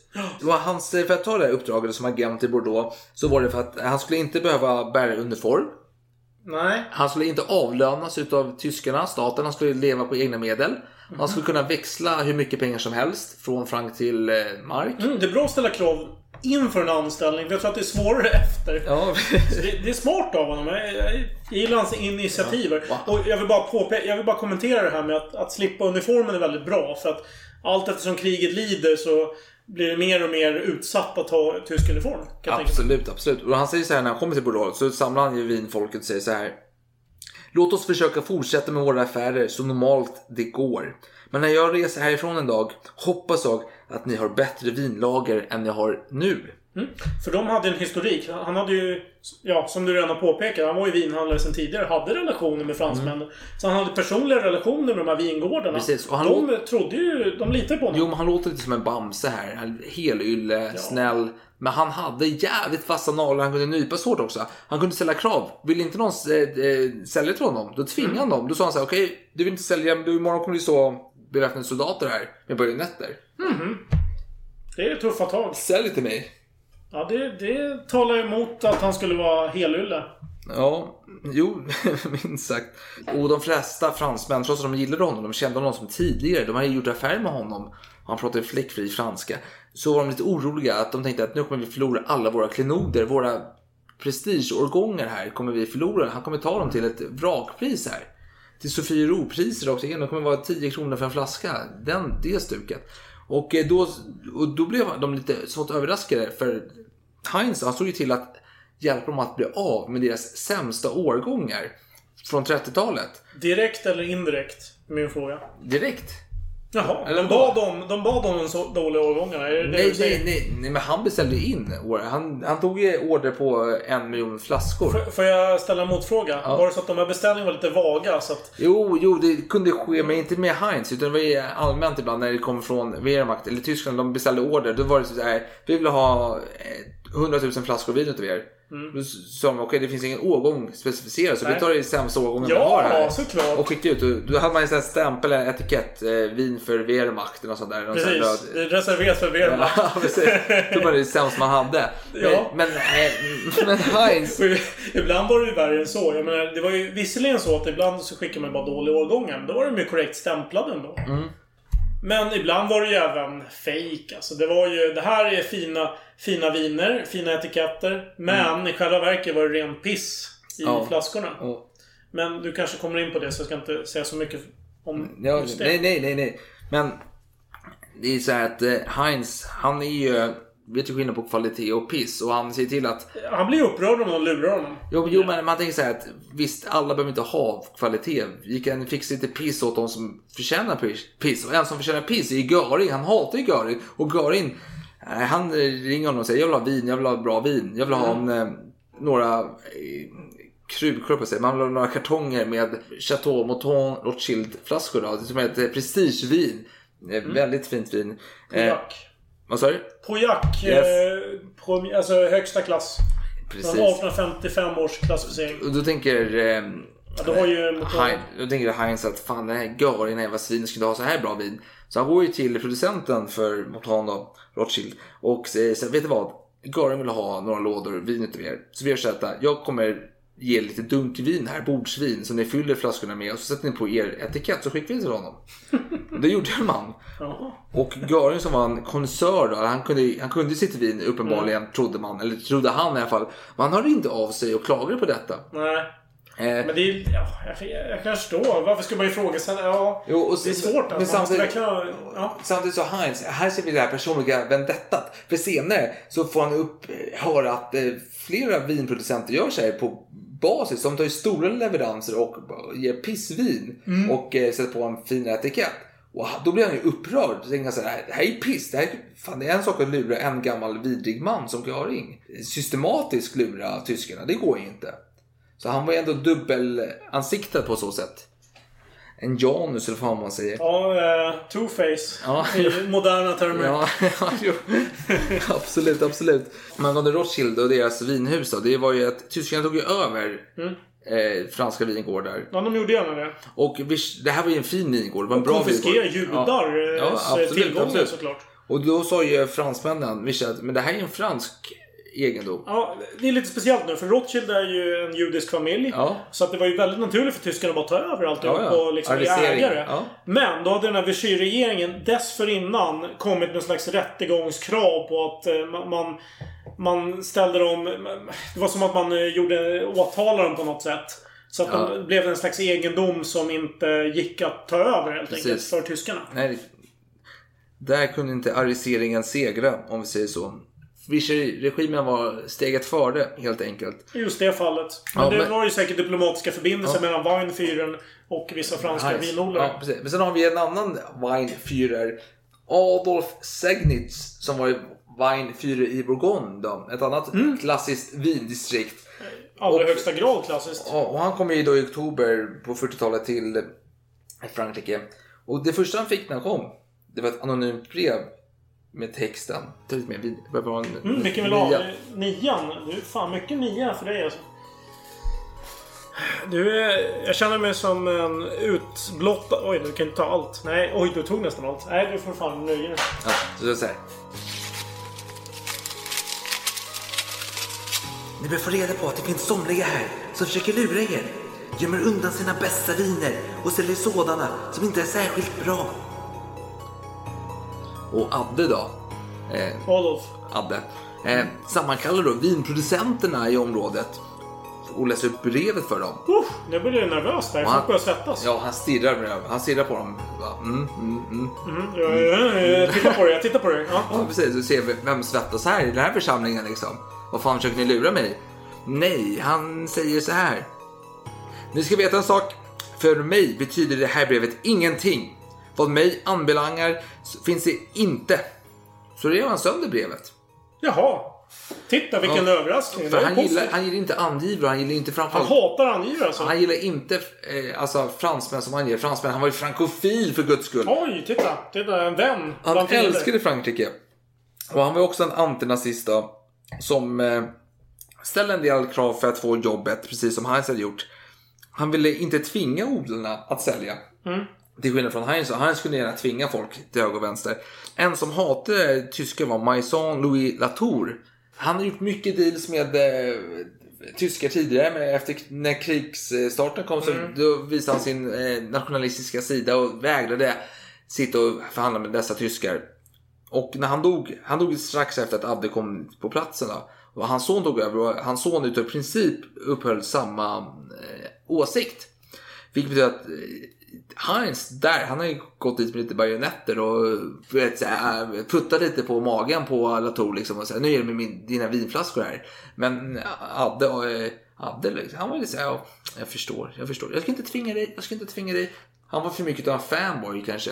Men skördarna var lika usla 40 som 39. Det var till och med så uselt att man bara vaskade skiten. Det var ju liksom att det var en brist på råvaror för att bedriva en bra vinodling helt enkelt. Och, och det, det är ju krigstider så att allting gick ju till krigsmateriel. Och Ja. det, det var ju... begränsningar såklart. Framförallt eh, på eh, den, vad ska man säga, förlorande sidan. Alltså fransmännen. De hade ju inte så mycket material. Nej, nej. Så det var ju på tyskarnas nåder. Här gäller det att tigga till sig det man behövde. Eh, Så skördarna var dåliga utav Moder Jords eh, orsak samt att material för att bekämpa olika ohyra på vinrankorna fanns inte. Så det blev dåliga skördar. Och inte nog med det, så att eh, Abbe då, han hade svårt att kunna köpa till sig bra vin i Bourgogne. Men han hade en liten vän som han hade gjort bra deals förut. En återförsäljare av Romanée de Conti. Klassiskt vin, Ja, toppvin. Som vi drömmer utav att dricka någon gång i Skulle tiden. inte vara dumt. Och Kostar det, ganska mycket. och det var en Maurice Drouin som eh, var en lirare som under första världskriget tydligen i skyttegraven hade sett hur en tysk som sprang över ingenmansland hade blivit träffad av några kulor och fallit ner på marken. Och han levde ju men han var skadad, man kunde inte röra sig.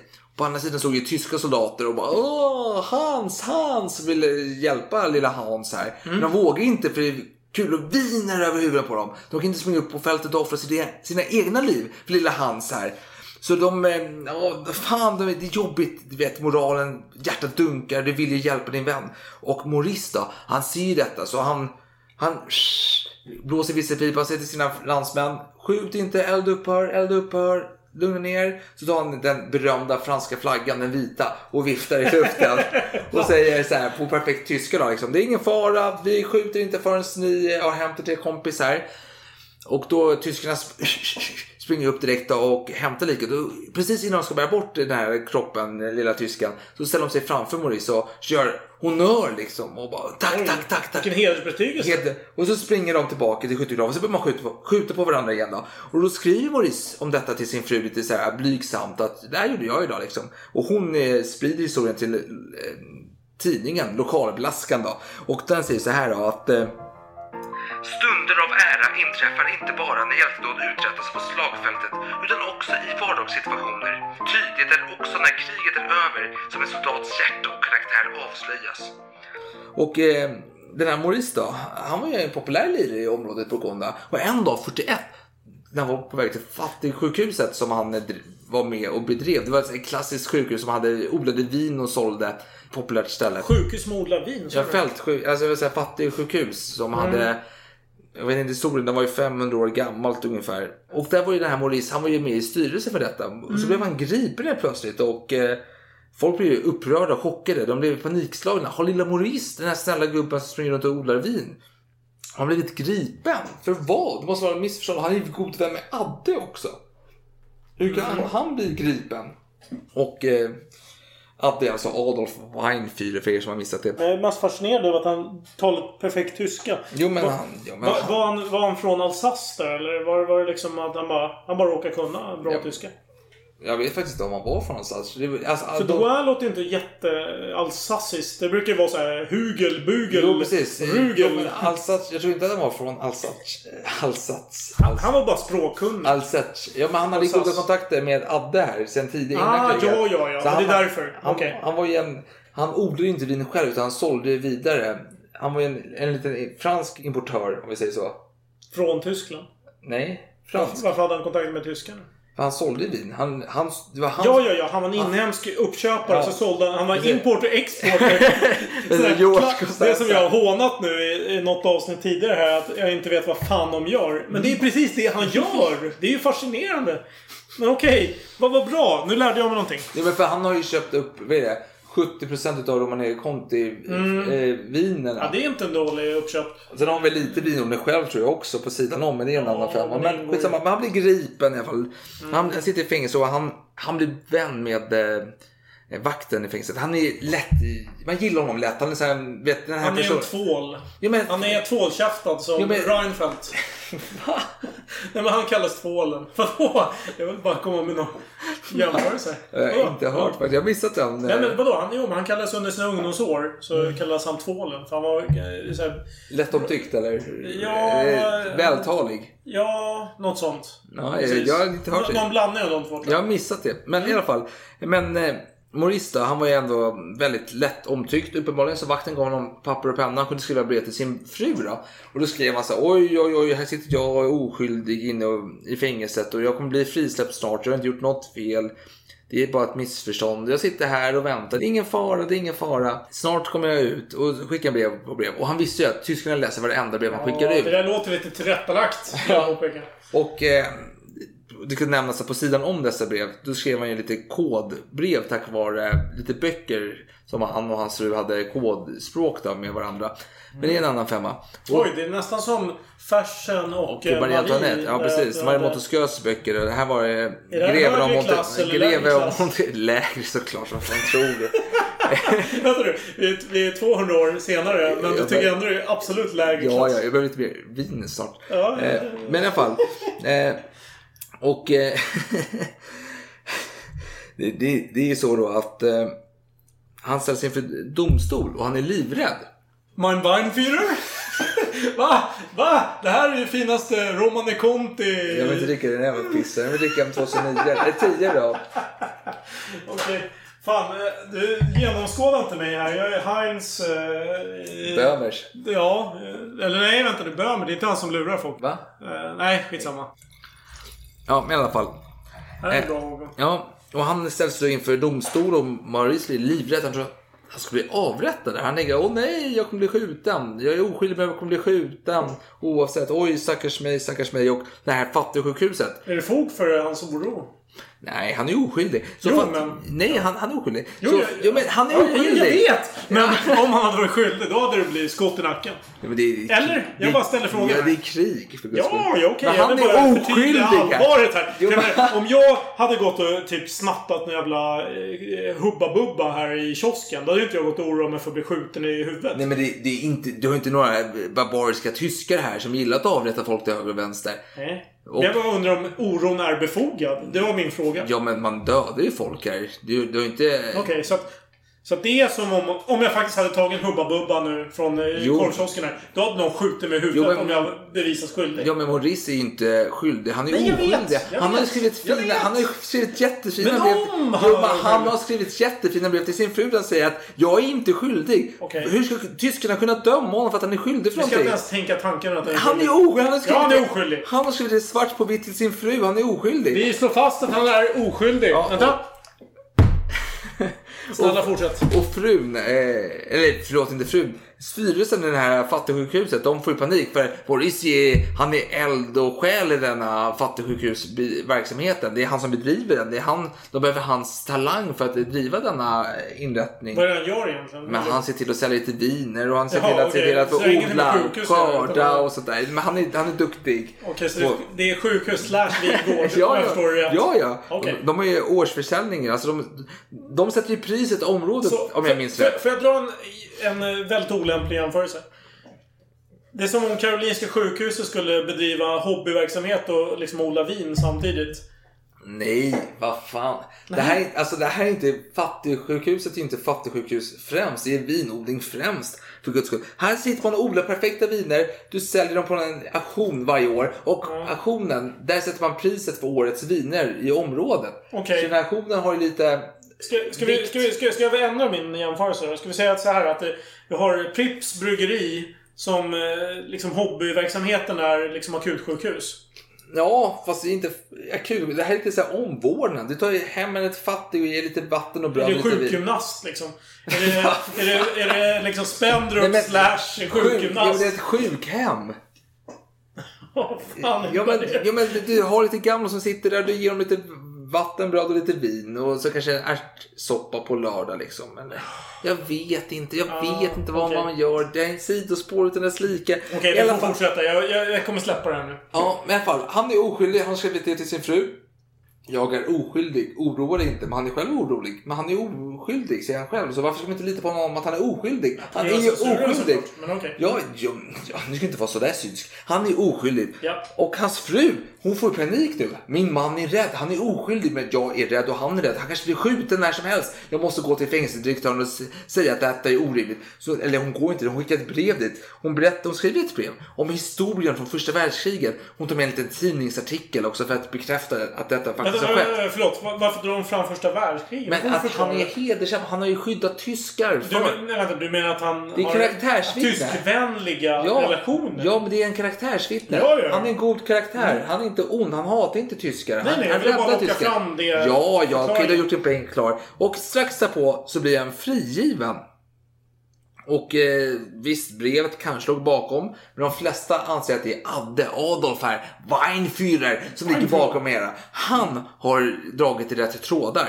Mm. Och eh, Petain, jag vill bara säga, Maurice, han älskar ju Petain. Petain är hela Bourgognes hjälte här. Man Mm. älskar en hjälte. Man älskar hjälte från Verdun. Tigern!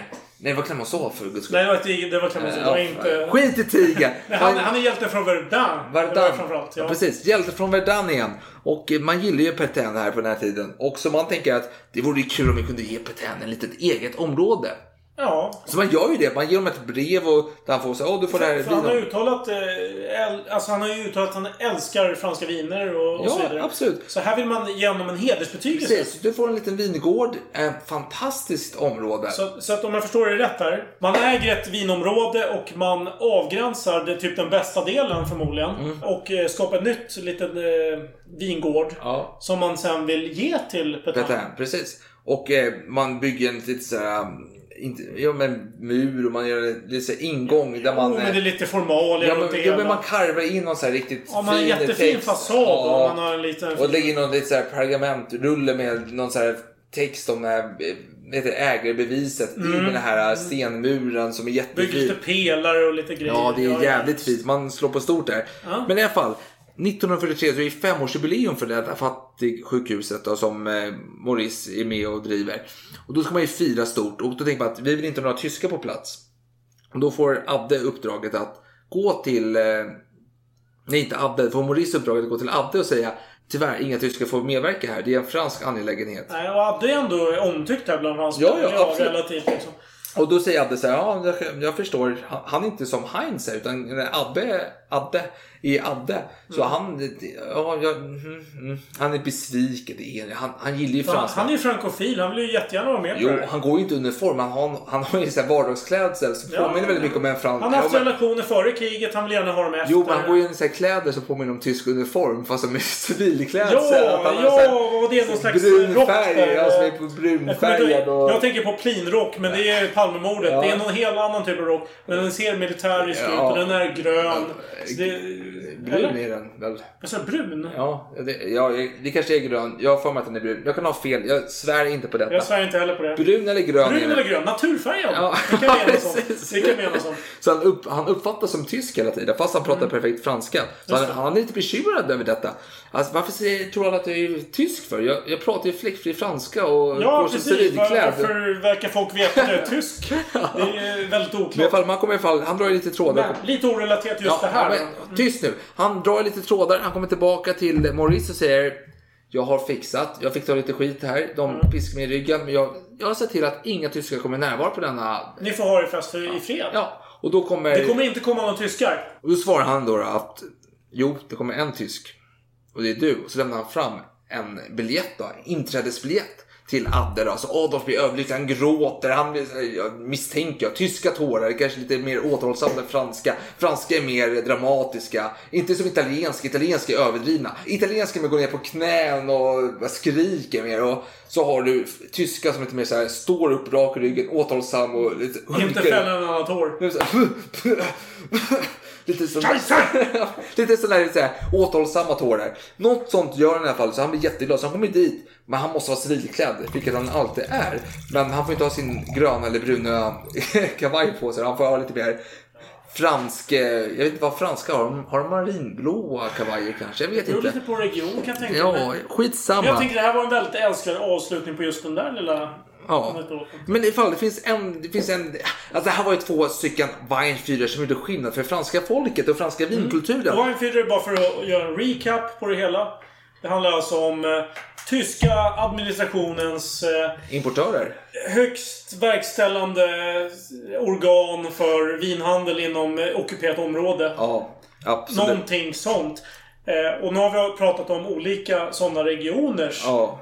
Eh, Och, och, och, ledare. och jag tänkte inte gå har pratat om djupt. Bordeaux och Bourgogne. Ja, vi, har varit väldigt, vi har hållit på väldigt länge så jag tänkte att vi skulle korta ner detta.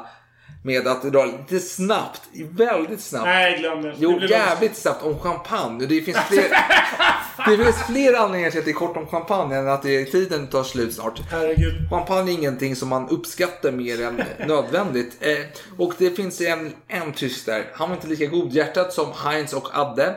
Utan, och han hette Kläbers, något sånt liknande. Jobbigt uttal på något tyskt obskyrt namn där. Men det är K-L-A-E-B-I-S-C-H. Är du säker på det? Ja, det är jag jävligt säker på. Att För det låter tveksamt. Men okej, fortsätt. K-L-A-E-B-I-S-C-H. Kläbisch. K-L-A-B-E... K-L-A-E. Kläb... Bisch. Bish. Okej, ja men det låter ganska rimligt. Kläbisch. I alla fall, han var en lite mer sadistisk lirare. Eller sadistisk, han var lite mer otrevlig. Han gillade att gå i uniform, han gillade medaljer, han gillade att visa att han var tysk. Även bland fransmännen och han var stenhård. Han var inte en sån som rev sönder pappret när någon eh, sa att det finns, de ger dåligt vin här. Utan skulle han fått ett sånt brev, då hade han levt Avrätt allihop. mer eller mindre. Han har varit riktigt förbannad och sur och krävt upprättelse. Jag, jag vill bara tillägga att fransmännen såg det lite som en sport att jävlas med tyskarna allt eftersom kriget led. Ja, ja. I, I början var man säkert lite mer försiktig.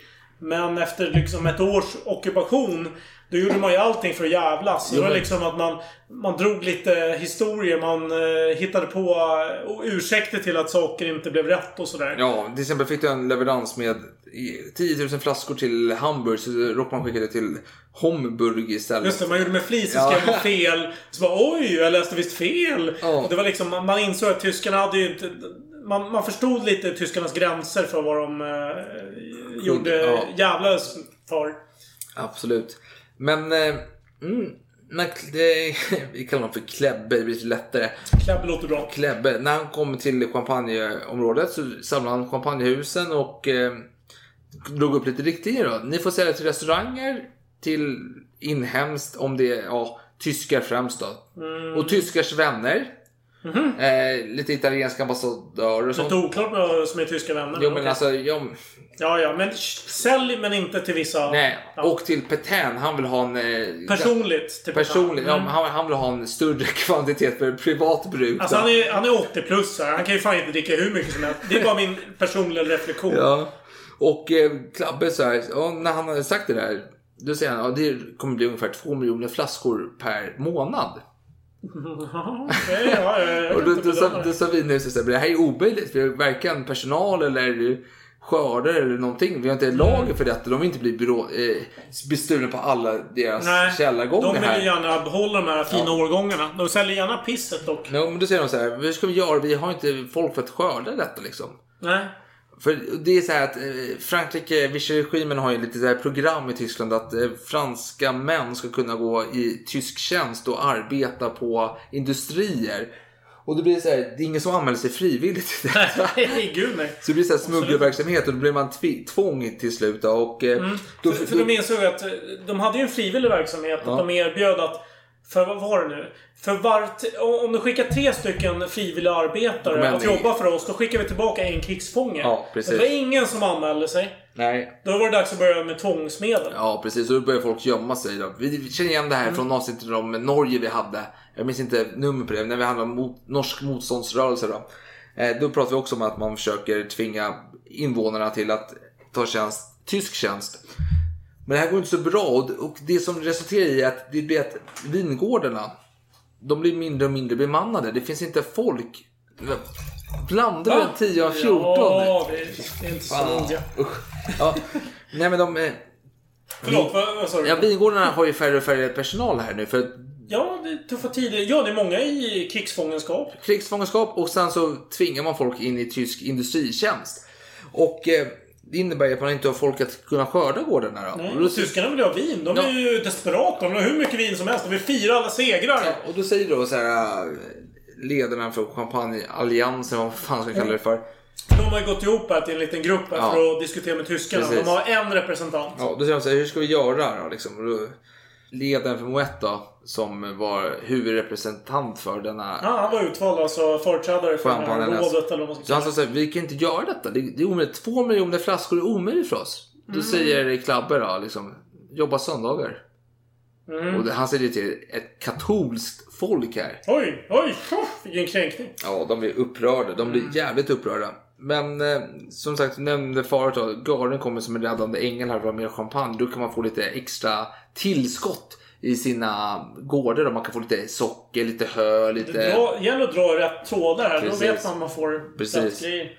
Och, eh, men eh, Klabbe då, eller Klebbe, han gjorde ju stickprov på materialet. Han var inte så här överseende med att man skickade piss till Tyskland utan han ville, kolla, han ville ju kolla liksom att För det var ju en tendens att försöka skicka piss. Ja. När, när man kände att det var en ri- rimlig risk att göra det. Ja, så han eh, hade fått... Eh, han bjöd in en representant, inte ett eh, representant utan en annan representant i det här vinsamfundet till honom.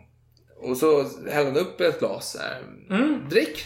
Och eh, den här representanten han var ju lite nervös. För han tänkte bara oj, varför har man kallat hit mig? Mm. Men han såg att Klabbe verkade ändå ganska tillfreds. Så han började slappna av lite grann. Ja, Och så sa den här Klabbe då bara Ja, vad tycker ni? Han hade hällt upp ett glas champagne Ja, då till eh, den här representanten. Och representanten började dofta på vinet. Kände oh, oh, oh, Fy fan vilken jävla piss! Det här var det vidrigaste jag någonsin har doftat. Så, han försökte återhämta sig här. Så bara, ja, men vad fan, jag, jag, står jag framför Klabb. Jag, jag kan inte hålla på. Jag, jag måste ju försöka. Okej, Okej, jag, jag dricker av den skiten. Han, han tog en klunk. Det var inte riktigt lika illa som doften. Nej, doften nej. var fruktansvärt Ja. usel. Och då började den här vagnfyren klabba. Ja, vad tycker ni? Och då, då sa han så här.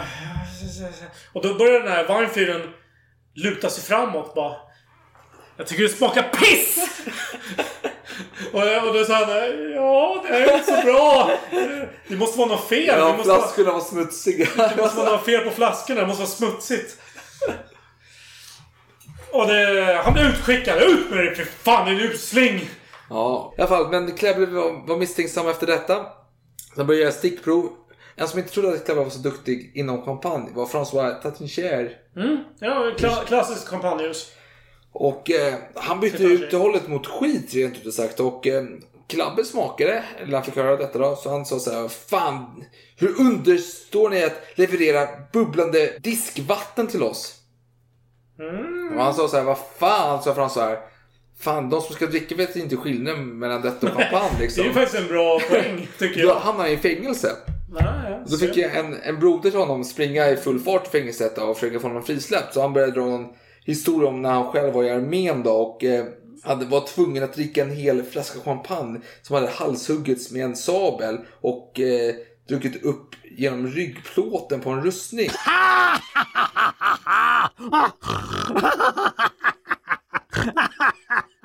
Klabbe tyckte det var skitkul en konstig anledning. Han släppte honom. Ja, ja. Nej, men det, Han bara såhär, du har vunnit, jag släpper din eh, bror här. ja, det, var, det var kul skämt. Det känns som att det här skämtet måste man ha varit där för att förstå. Ja, jag tror det det. känns inte så här jättekul att jag var tvungen att dricka champagne genom en rustning. Ja, Nej, jag vet nej jag man måste dra en detalj och köra lite mycket känsla. Ja. Det tror jag. Men han, han var tydligen väldigt karismatisk den här som drog det här skämtet. Om jag förstår saken rätt. Ja men angående, förlåt jag glömde nämna det förut, men den här Maurice då som vi nämnde förut. Drouin, eller? Drouin, precis. Han var ju inte så oskyldig, han var ju ledare utav motståndsrörelsen. Såklart han var. Det var ju många som var det. Och, eh, då- Tvingade till det. ja, ja, fast han var ju frivilligt. Några år senare då, så Ja, men- knackade det på dörren. Då gick Gestapo och såg utanför och sa Ah! Maurice! Maurice! Då knackade på dörren och han bara Nej, fan! Åh nej! Så sa sin fru så här, Jag är i Paris, jag är i Paris. Då sprang han ner i vinkällaren. Då knackade de på där tyskarna. Och de hade tjuvlyssnat också, barnen. Ja, ja, ja, precis. Ja, precis. Var, De var smarta barn. Ja, ungen hade överhört dem, så var det nog. Mm. Och sagt, smugit in till sina syskon och sagt så här, pappa i Paris, Mm, säg det om de kommer. Och så hade Gestapo. Gestapo knackat på där liksom och frun öppnade, ja vad vill ni? Var är Maurice? De bara, nej men han är, han är i Paris och på eh, handelsuppdrag. De gick ut och sökte igenom lägenheten, hittade inte ett skit. Vilka de här barnen? De bara, var är pappa någonstans? De bara, "Åh, nej han är i Paris. De bara, fan en nyväckt barn kan inte ljuga, det är orimligt. Ja, han är i Paris. Han låtsades alltså Ja. sova. Och så tyskarna drog iväg då och Maurice hängde i en vinkällare då. Mm. Som ledde ut till en annan adress på Djävulsvägen tror jag det hette. Något sånt där. Eller han bodde på Djävulsvägen och så ledde vägen ut till, eh, till Paradisvägen. Det var, någon kul eh, grej där. Var kul Ordvits eh, som fransmän hade. Men i alla fall, och han gömde sig på fattigsjukhuset till krigsslutet då. Så han överlevde då. Men han var ju inte oskyldig från tyskt perspektiv då. Men i franskt perspektiv och eftervärldens perspektiv var han Mm. ju en hjälte oskyldig. Eh, Men i alla fall, skitsamma. Vi ska inte fastna i detta. Nej.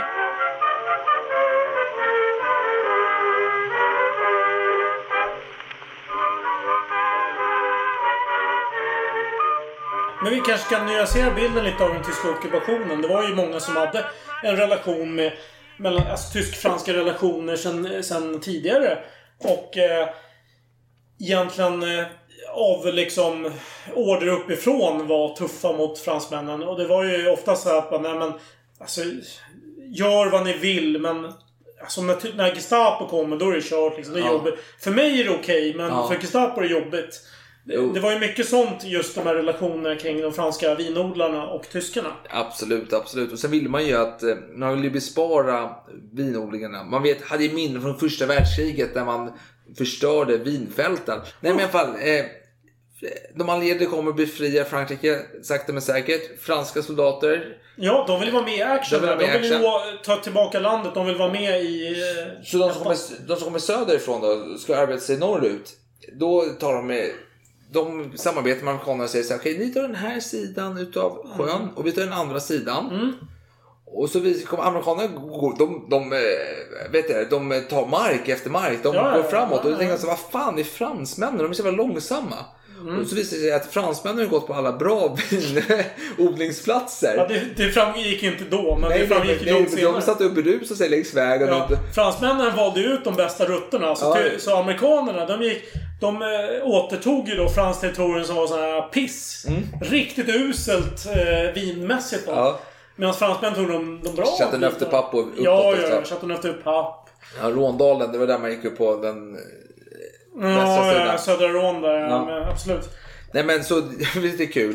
Och eh, det gick även när man kom in i Tyskland och skulle mot Örnäs, det var det samma sak Mm. Ja, där. ja. Det var ju mycket prestige inblandat. För, för Charles de Gaulle, då gällde det att fransmännen skulle vara med av eh, alltså, ockupationsmakterna. Man skulle i allra högsta grad vara där, sätta den franska flaggan, eh, ja gärna i Hitlers eget, eh, egen bunker liksom. Ja. Och då hade du det här fantastiska örnästet. Berchtesgaden. Bayerska alperna. Det var de här högt belägna, fantastiska orterna. Han överblickade resten av Europa. Där han planerade alla sina illdåd. Som man tyckte hade för tunn luft egentligen för att han skulle trivas Ja, han var, han var egentligen bara där typ tre gånger någonting. För att han, han, han hade ju en, eh, en liten stuga längre ner då. Ja. Eh, Lite, norr, alltså, samma område men längre ner. Precis. Han orkade inte riktigt åka upp för det var ju många eh, hundra Man, man, meter upp. byggt, man hade byggt in en hiss då i berget då, som tog en hela vägen upp. Ja, precis. Och eh, nu gällde det för amerikanerna och fransmännen att nå dit först. Race. Det var ju stort jäkla mål. Att kunna sätta sin, sitt lands jävla fana där. Och grejen var att fransmännen, de hade ju lite mindre soldater. Eh, så de fick underordnas amerikanerna i det här fallet. Så man hade en amerikansk överbefälhavare. Och amerikanerna, de var ju mycket väl medvetna om det prestigen att ta över Berchtesgaden. Så de ville ju dit. Och då hade de kommit överens om att ja men vad fan, okej ni kan ha en liten trupp eh, på vägen åt det hållet. Men ni ska koncentrera åt det här andra. Ja. Men då hade fransmännen avlett då några grupper att Precis. faktiskt ta samma rutt som amerikanerna. Till och med kringgå dem. Ja, en genväg. För amerikanerna gick ju motorvägen. Skulle de, ta, och de var på väg framåt men de... eh, Ja, och då, Mötte då, motstånd. det var en stor miss där för att då hade tyskarna sprängt någon jäkla bro. Så de fastnade där borta. Medan fransmännen, med den här lilla gruppen då som... Jag tror det var Charles de Gaulle. Det kan vara någon, annan. Det kanske var Leclerc, eh, general Ja, det Leclerc. var inte det går, det går. Okej, det var Leclerc för, förmodligen. Han var ju en eh, framträdande fransman där som eh, verkligen var prestigeinriktad. I alla fall. Eh, han skickade den här gruppen. Han bara, nej men ta det här jäkla Berchtesgaden, sätt upp franska flaggan. Skitbra. Eh, då var det en, en tredjedel kanske av den gruppen som åkte den här bra rutten då, till Berchtesgaden. Han dit i tid. Ja, Mötte motstånd visserligen mot tyskar. Minimalt motstånd. Man kom dit. Man kom dit före amerikanerna. Man beordrade fransmännen att ta sig upp på något sätt. Hissen var trasig. Det hade Ja, hissen var tyskarna förstört. Det var kört. Man frågade ingenjörerna, går det att laga? Svar nej. Så det var bara att klättra. Mm. De gjorde det. De tog sig upp. Och man var ju där för amerikaner. Alltså man hissade den franska flaggan. Ja, ja, det Och man. eh, ja, plundrade egentligen hela stället. Man använde sig av, vad var det? Man använde bårar va? Så här sjukhus, Precis. sjukvårdsbårar Ja, för men att frakta för vinen. den här mannen som fick komma in då, Bernard de Nonancourt som är en legendarisk champagnekille på sen tid. Han blev ju mästare och lyfte upp det här champagnehuset Salon då till eh, nya höjder. Mm.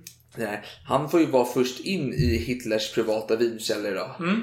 Och han, är han är ju kunnig i området. Ja, för Hitler kanske inte gillade viner, men han har en enorm källare där i Örnästet. Ja. Det var ju säkert Göring då som hade eh, beställt det där. Men det, det var enorma, enormt fina källare och eh, fransmännen började plundra det. Sen när amerikanerna kommer, de kommer ser den franska fanan hängandes över Örnästet. Skitsura. Skitirriterade. Kommer befälhavaren bara Vad i helvete är det här? Ni ska vara underställda under mitt befäl. Ja. Hala omedelbart den franska flaggan och sätta upp en amerikansk. Ja. Och eh, franska befälhavaren bara Ja okej, det kan jag göra. Så gjorde han det och så... Men de hade redan plundrat. Ja, och så går man ju, roligt, roligt, fransmännen, alltså den här då, han Mm. tog ju en, fick en flaska champagne Salon, Salon då. Att de drack sig fulla. Det Ja, gjorde alla soldater där. Det Och ska så nämna. de, amerikaner lite vin också. De fyllde pluntorna. De hade ju så här vattenpluntor. Ja. Med, de, de, de hällde ut vattnet och fyllde med så här fina jävla årgångar. Men- Som, som du och jag aldrig skulle ha råd med. Men, en liten plunta. Ja. Ja. Var en rolig grej apropå det här med eh, krigsbiten. Ja. Det är att när amerikanerna hade lyckats få tag på väldigt fina årgångar av fransk vin. Ja. Så skulle man fira detta och man bjöd in fransmän också till det här eh, firandet. Ja. Så fransmännen de, de, de var ju jätte... Glada. eh, glada. Ja, de var spända. Bara, Åh, vad gott det här ska bli.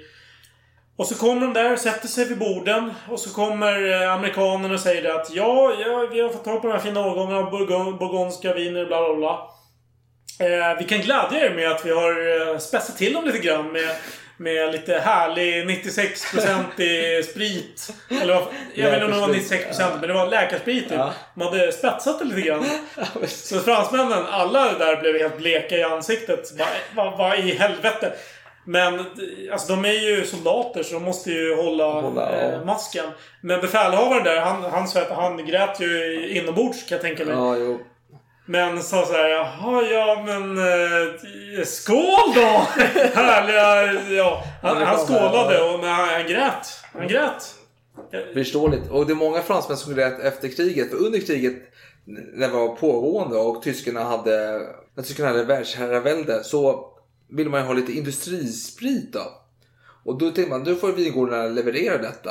Mm. De måste leverera sin kvot. Ja, precis. Och då kom eh, Vichy-trogna eh, soldater då, och besökte vingårdarna och sa ja, men det här är inte industrisprit. Så häller man i brännolja i faten. Då är det försäkra sig om att den här vingården kommer leverera sin kvot. Precis, för brännoljan gjorde att själva faten som man hade använt generation efter generation förstördes totalt. Det var något som ärvdes här sen, från förfader och så vidare. Precis. Och, Det var då, något som gav smak till vinet. och jag hade tänkt faktiskt dra en historia om eh, franskt fångenskap i eh, en offers, jag vet inte, krigsläger. Kan vi inte ta Nej. det? Det tycker jag är Nej, jättetrevligt. nej, jag tänker att det får bli ett i helt eget avsnitt i framtiden. Men inte nästa gång, för nästa gång ska vi prata om när solen går ner.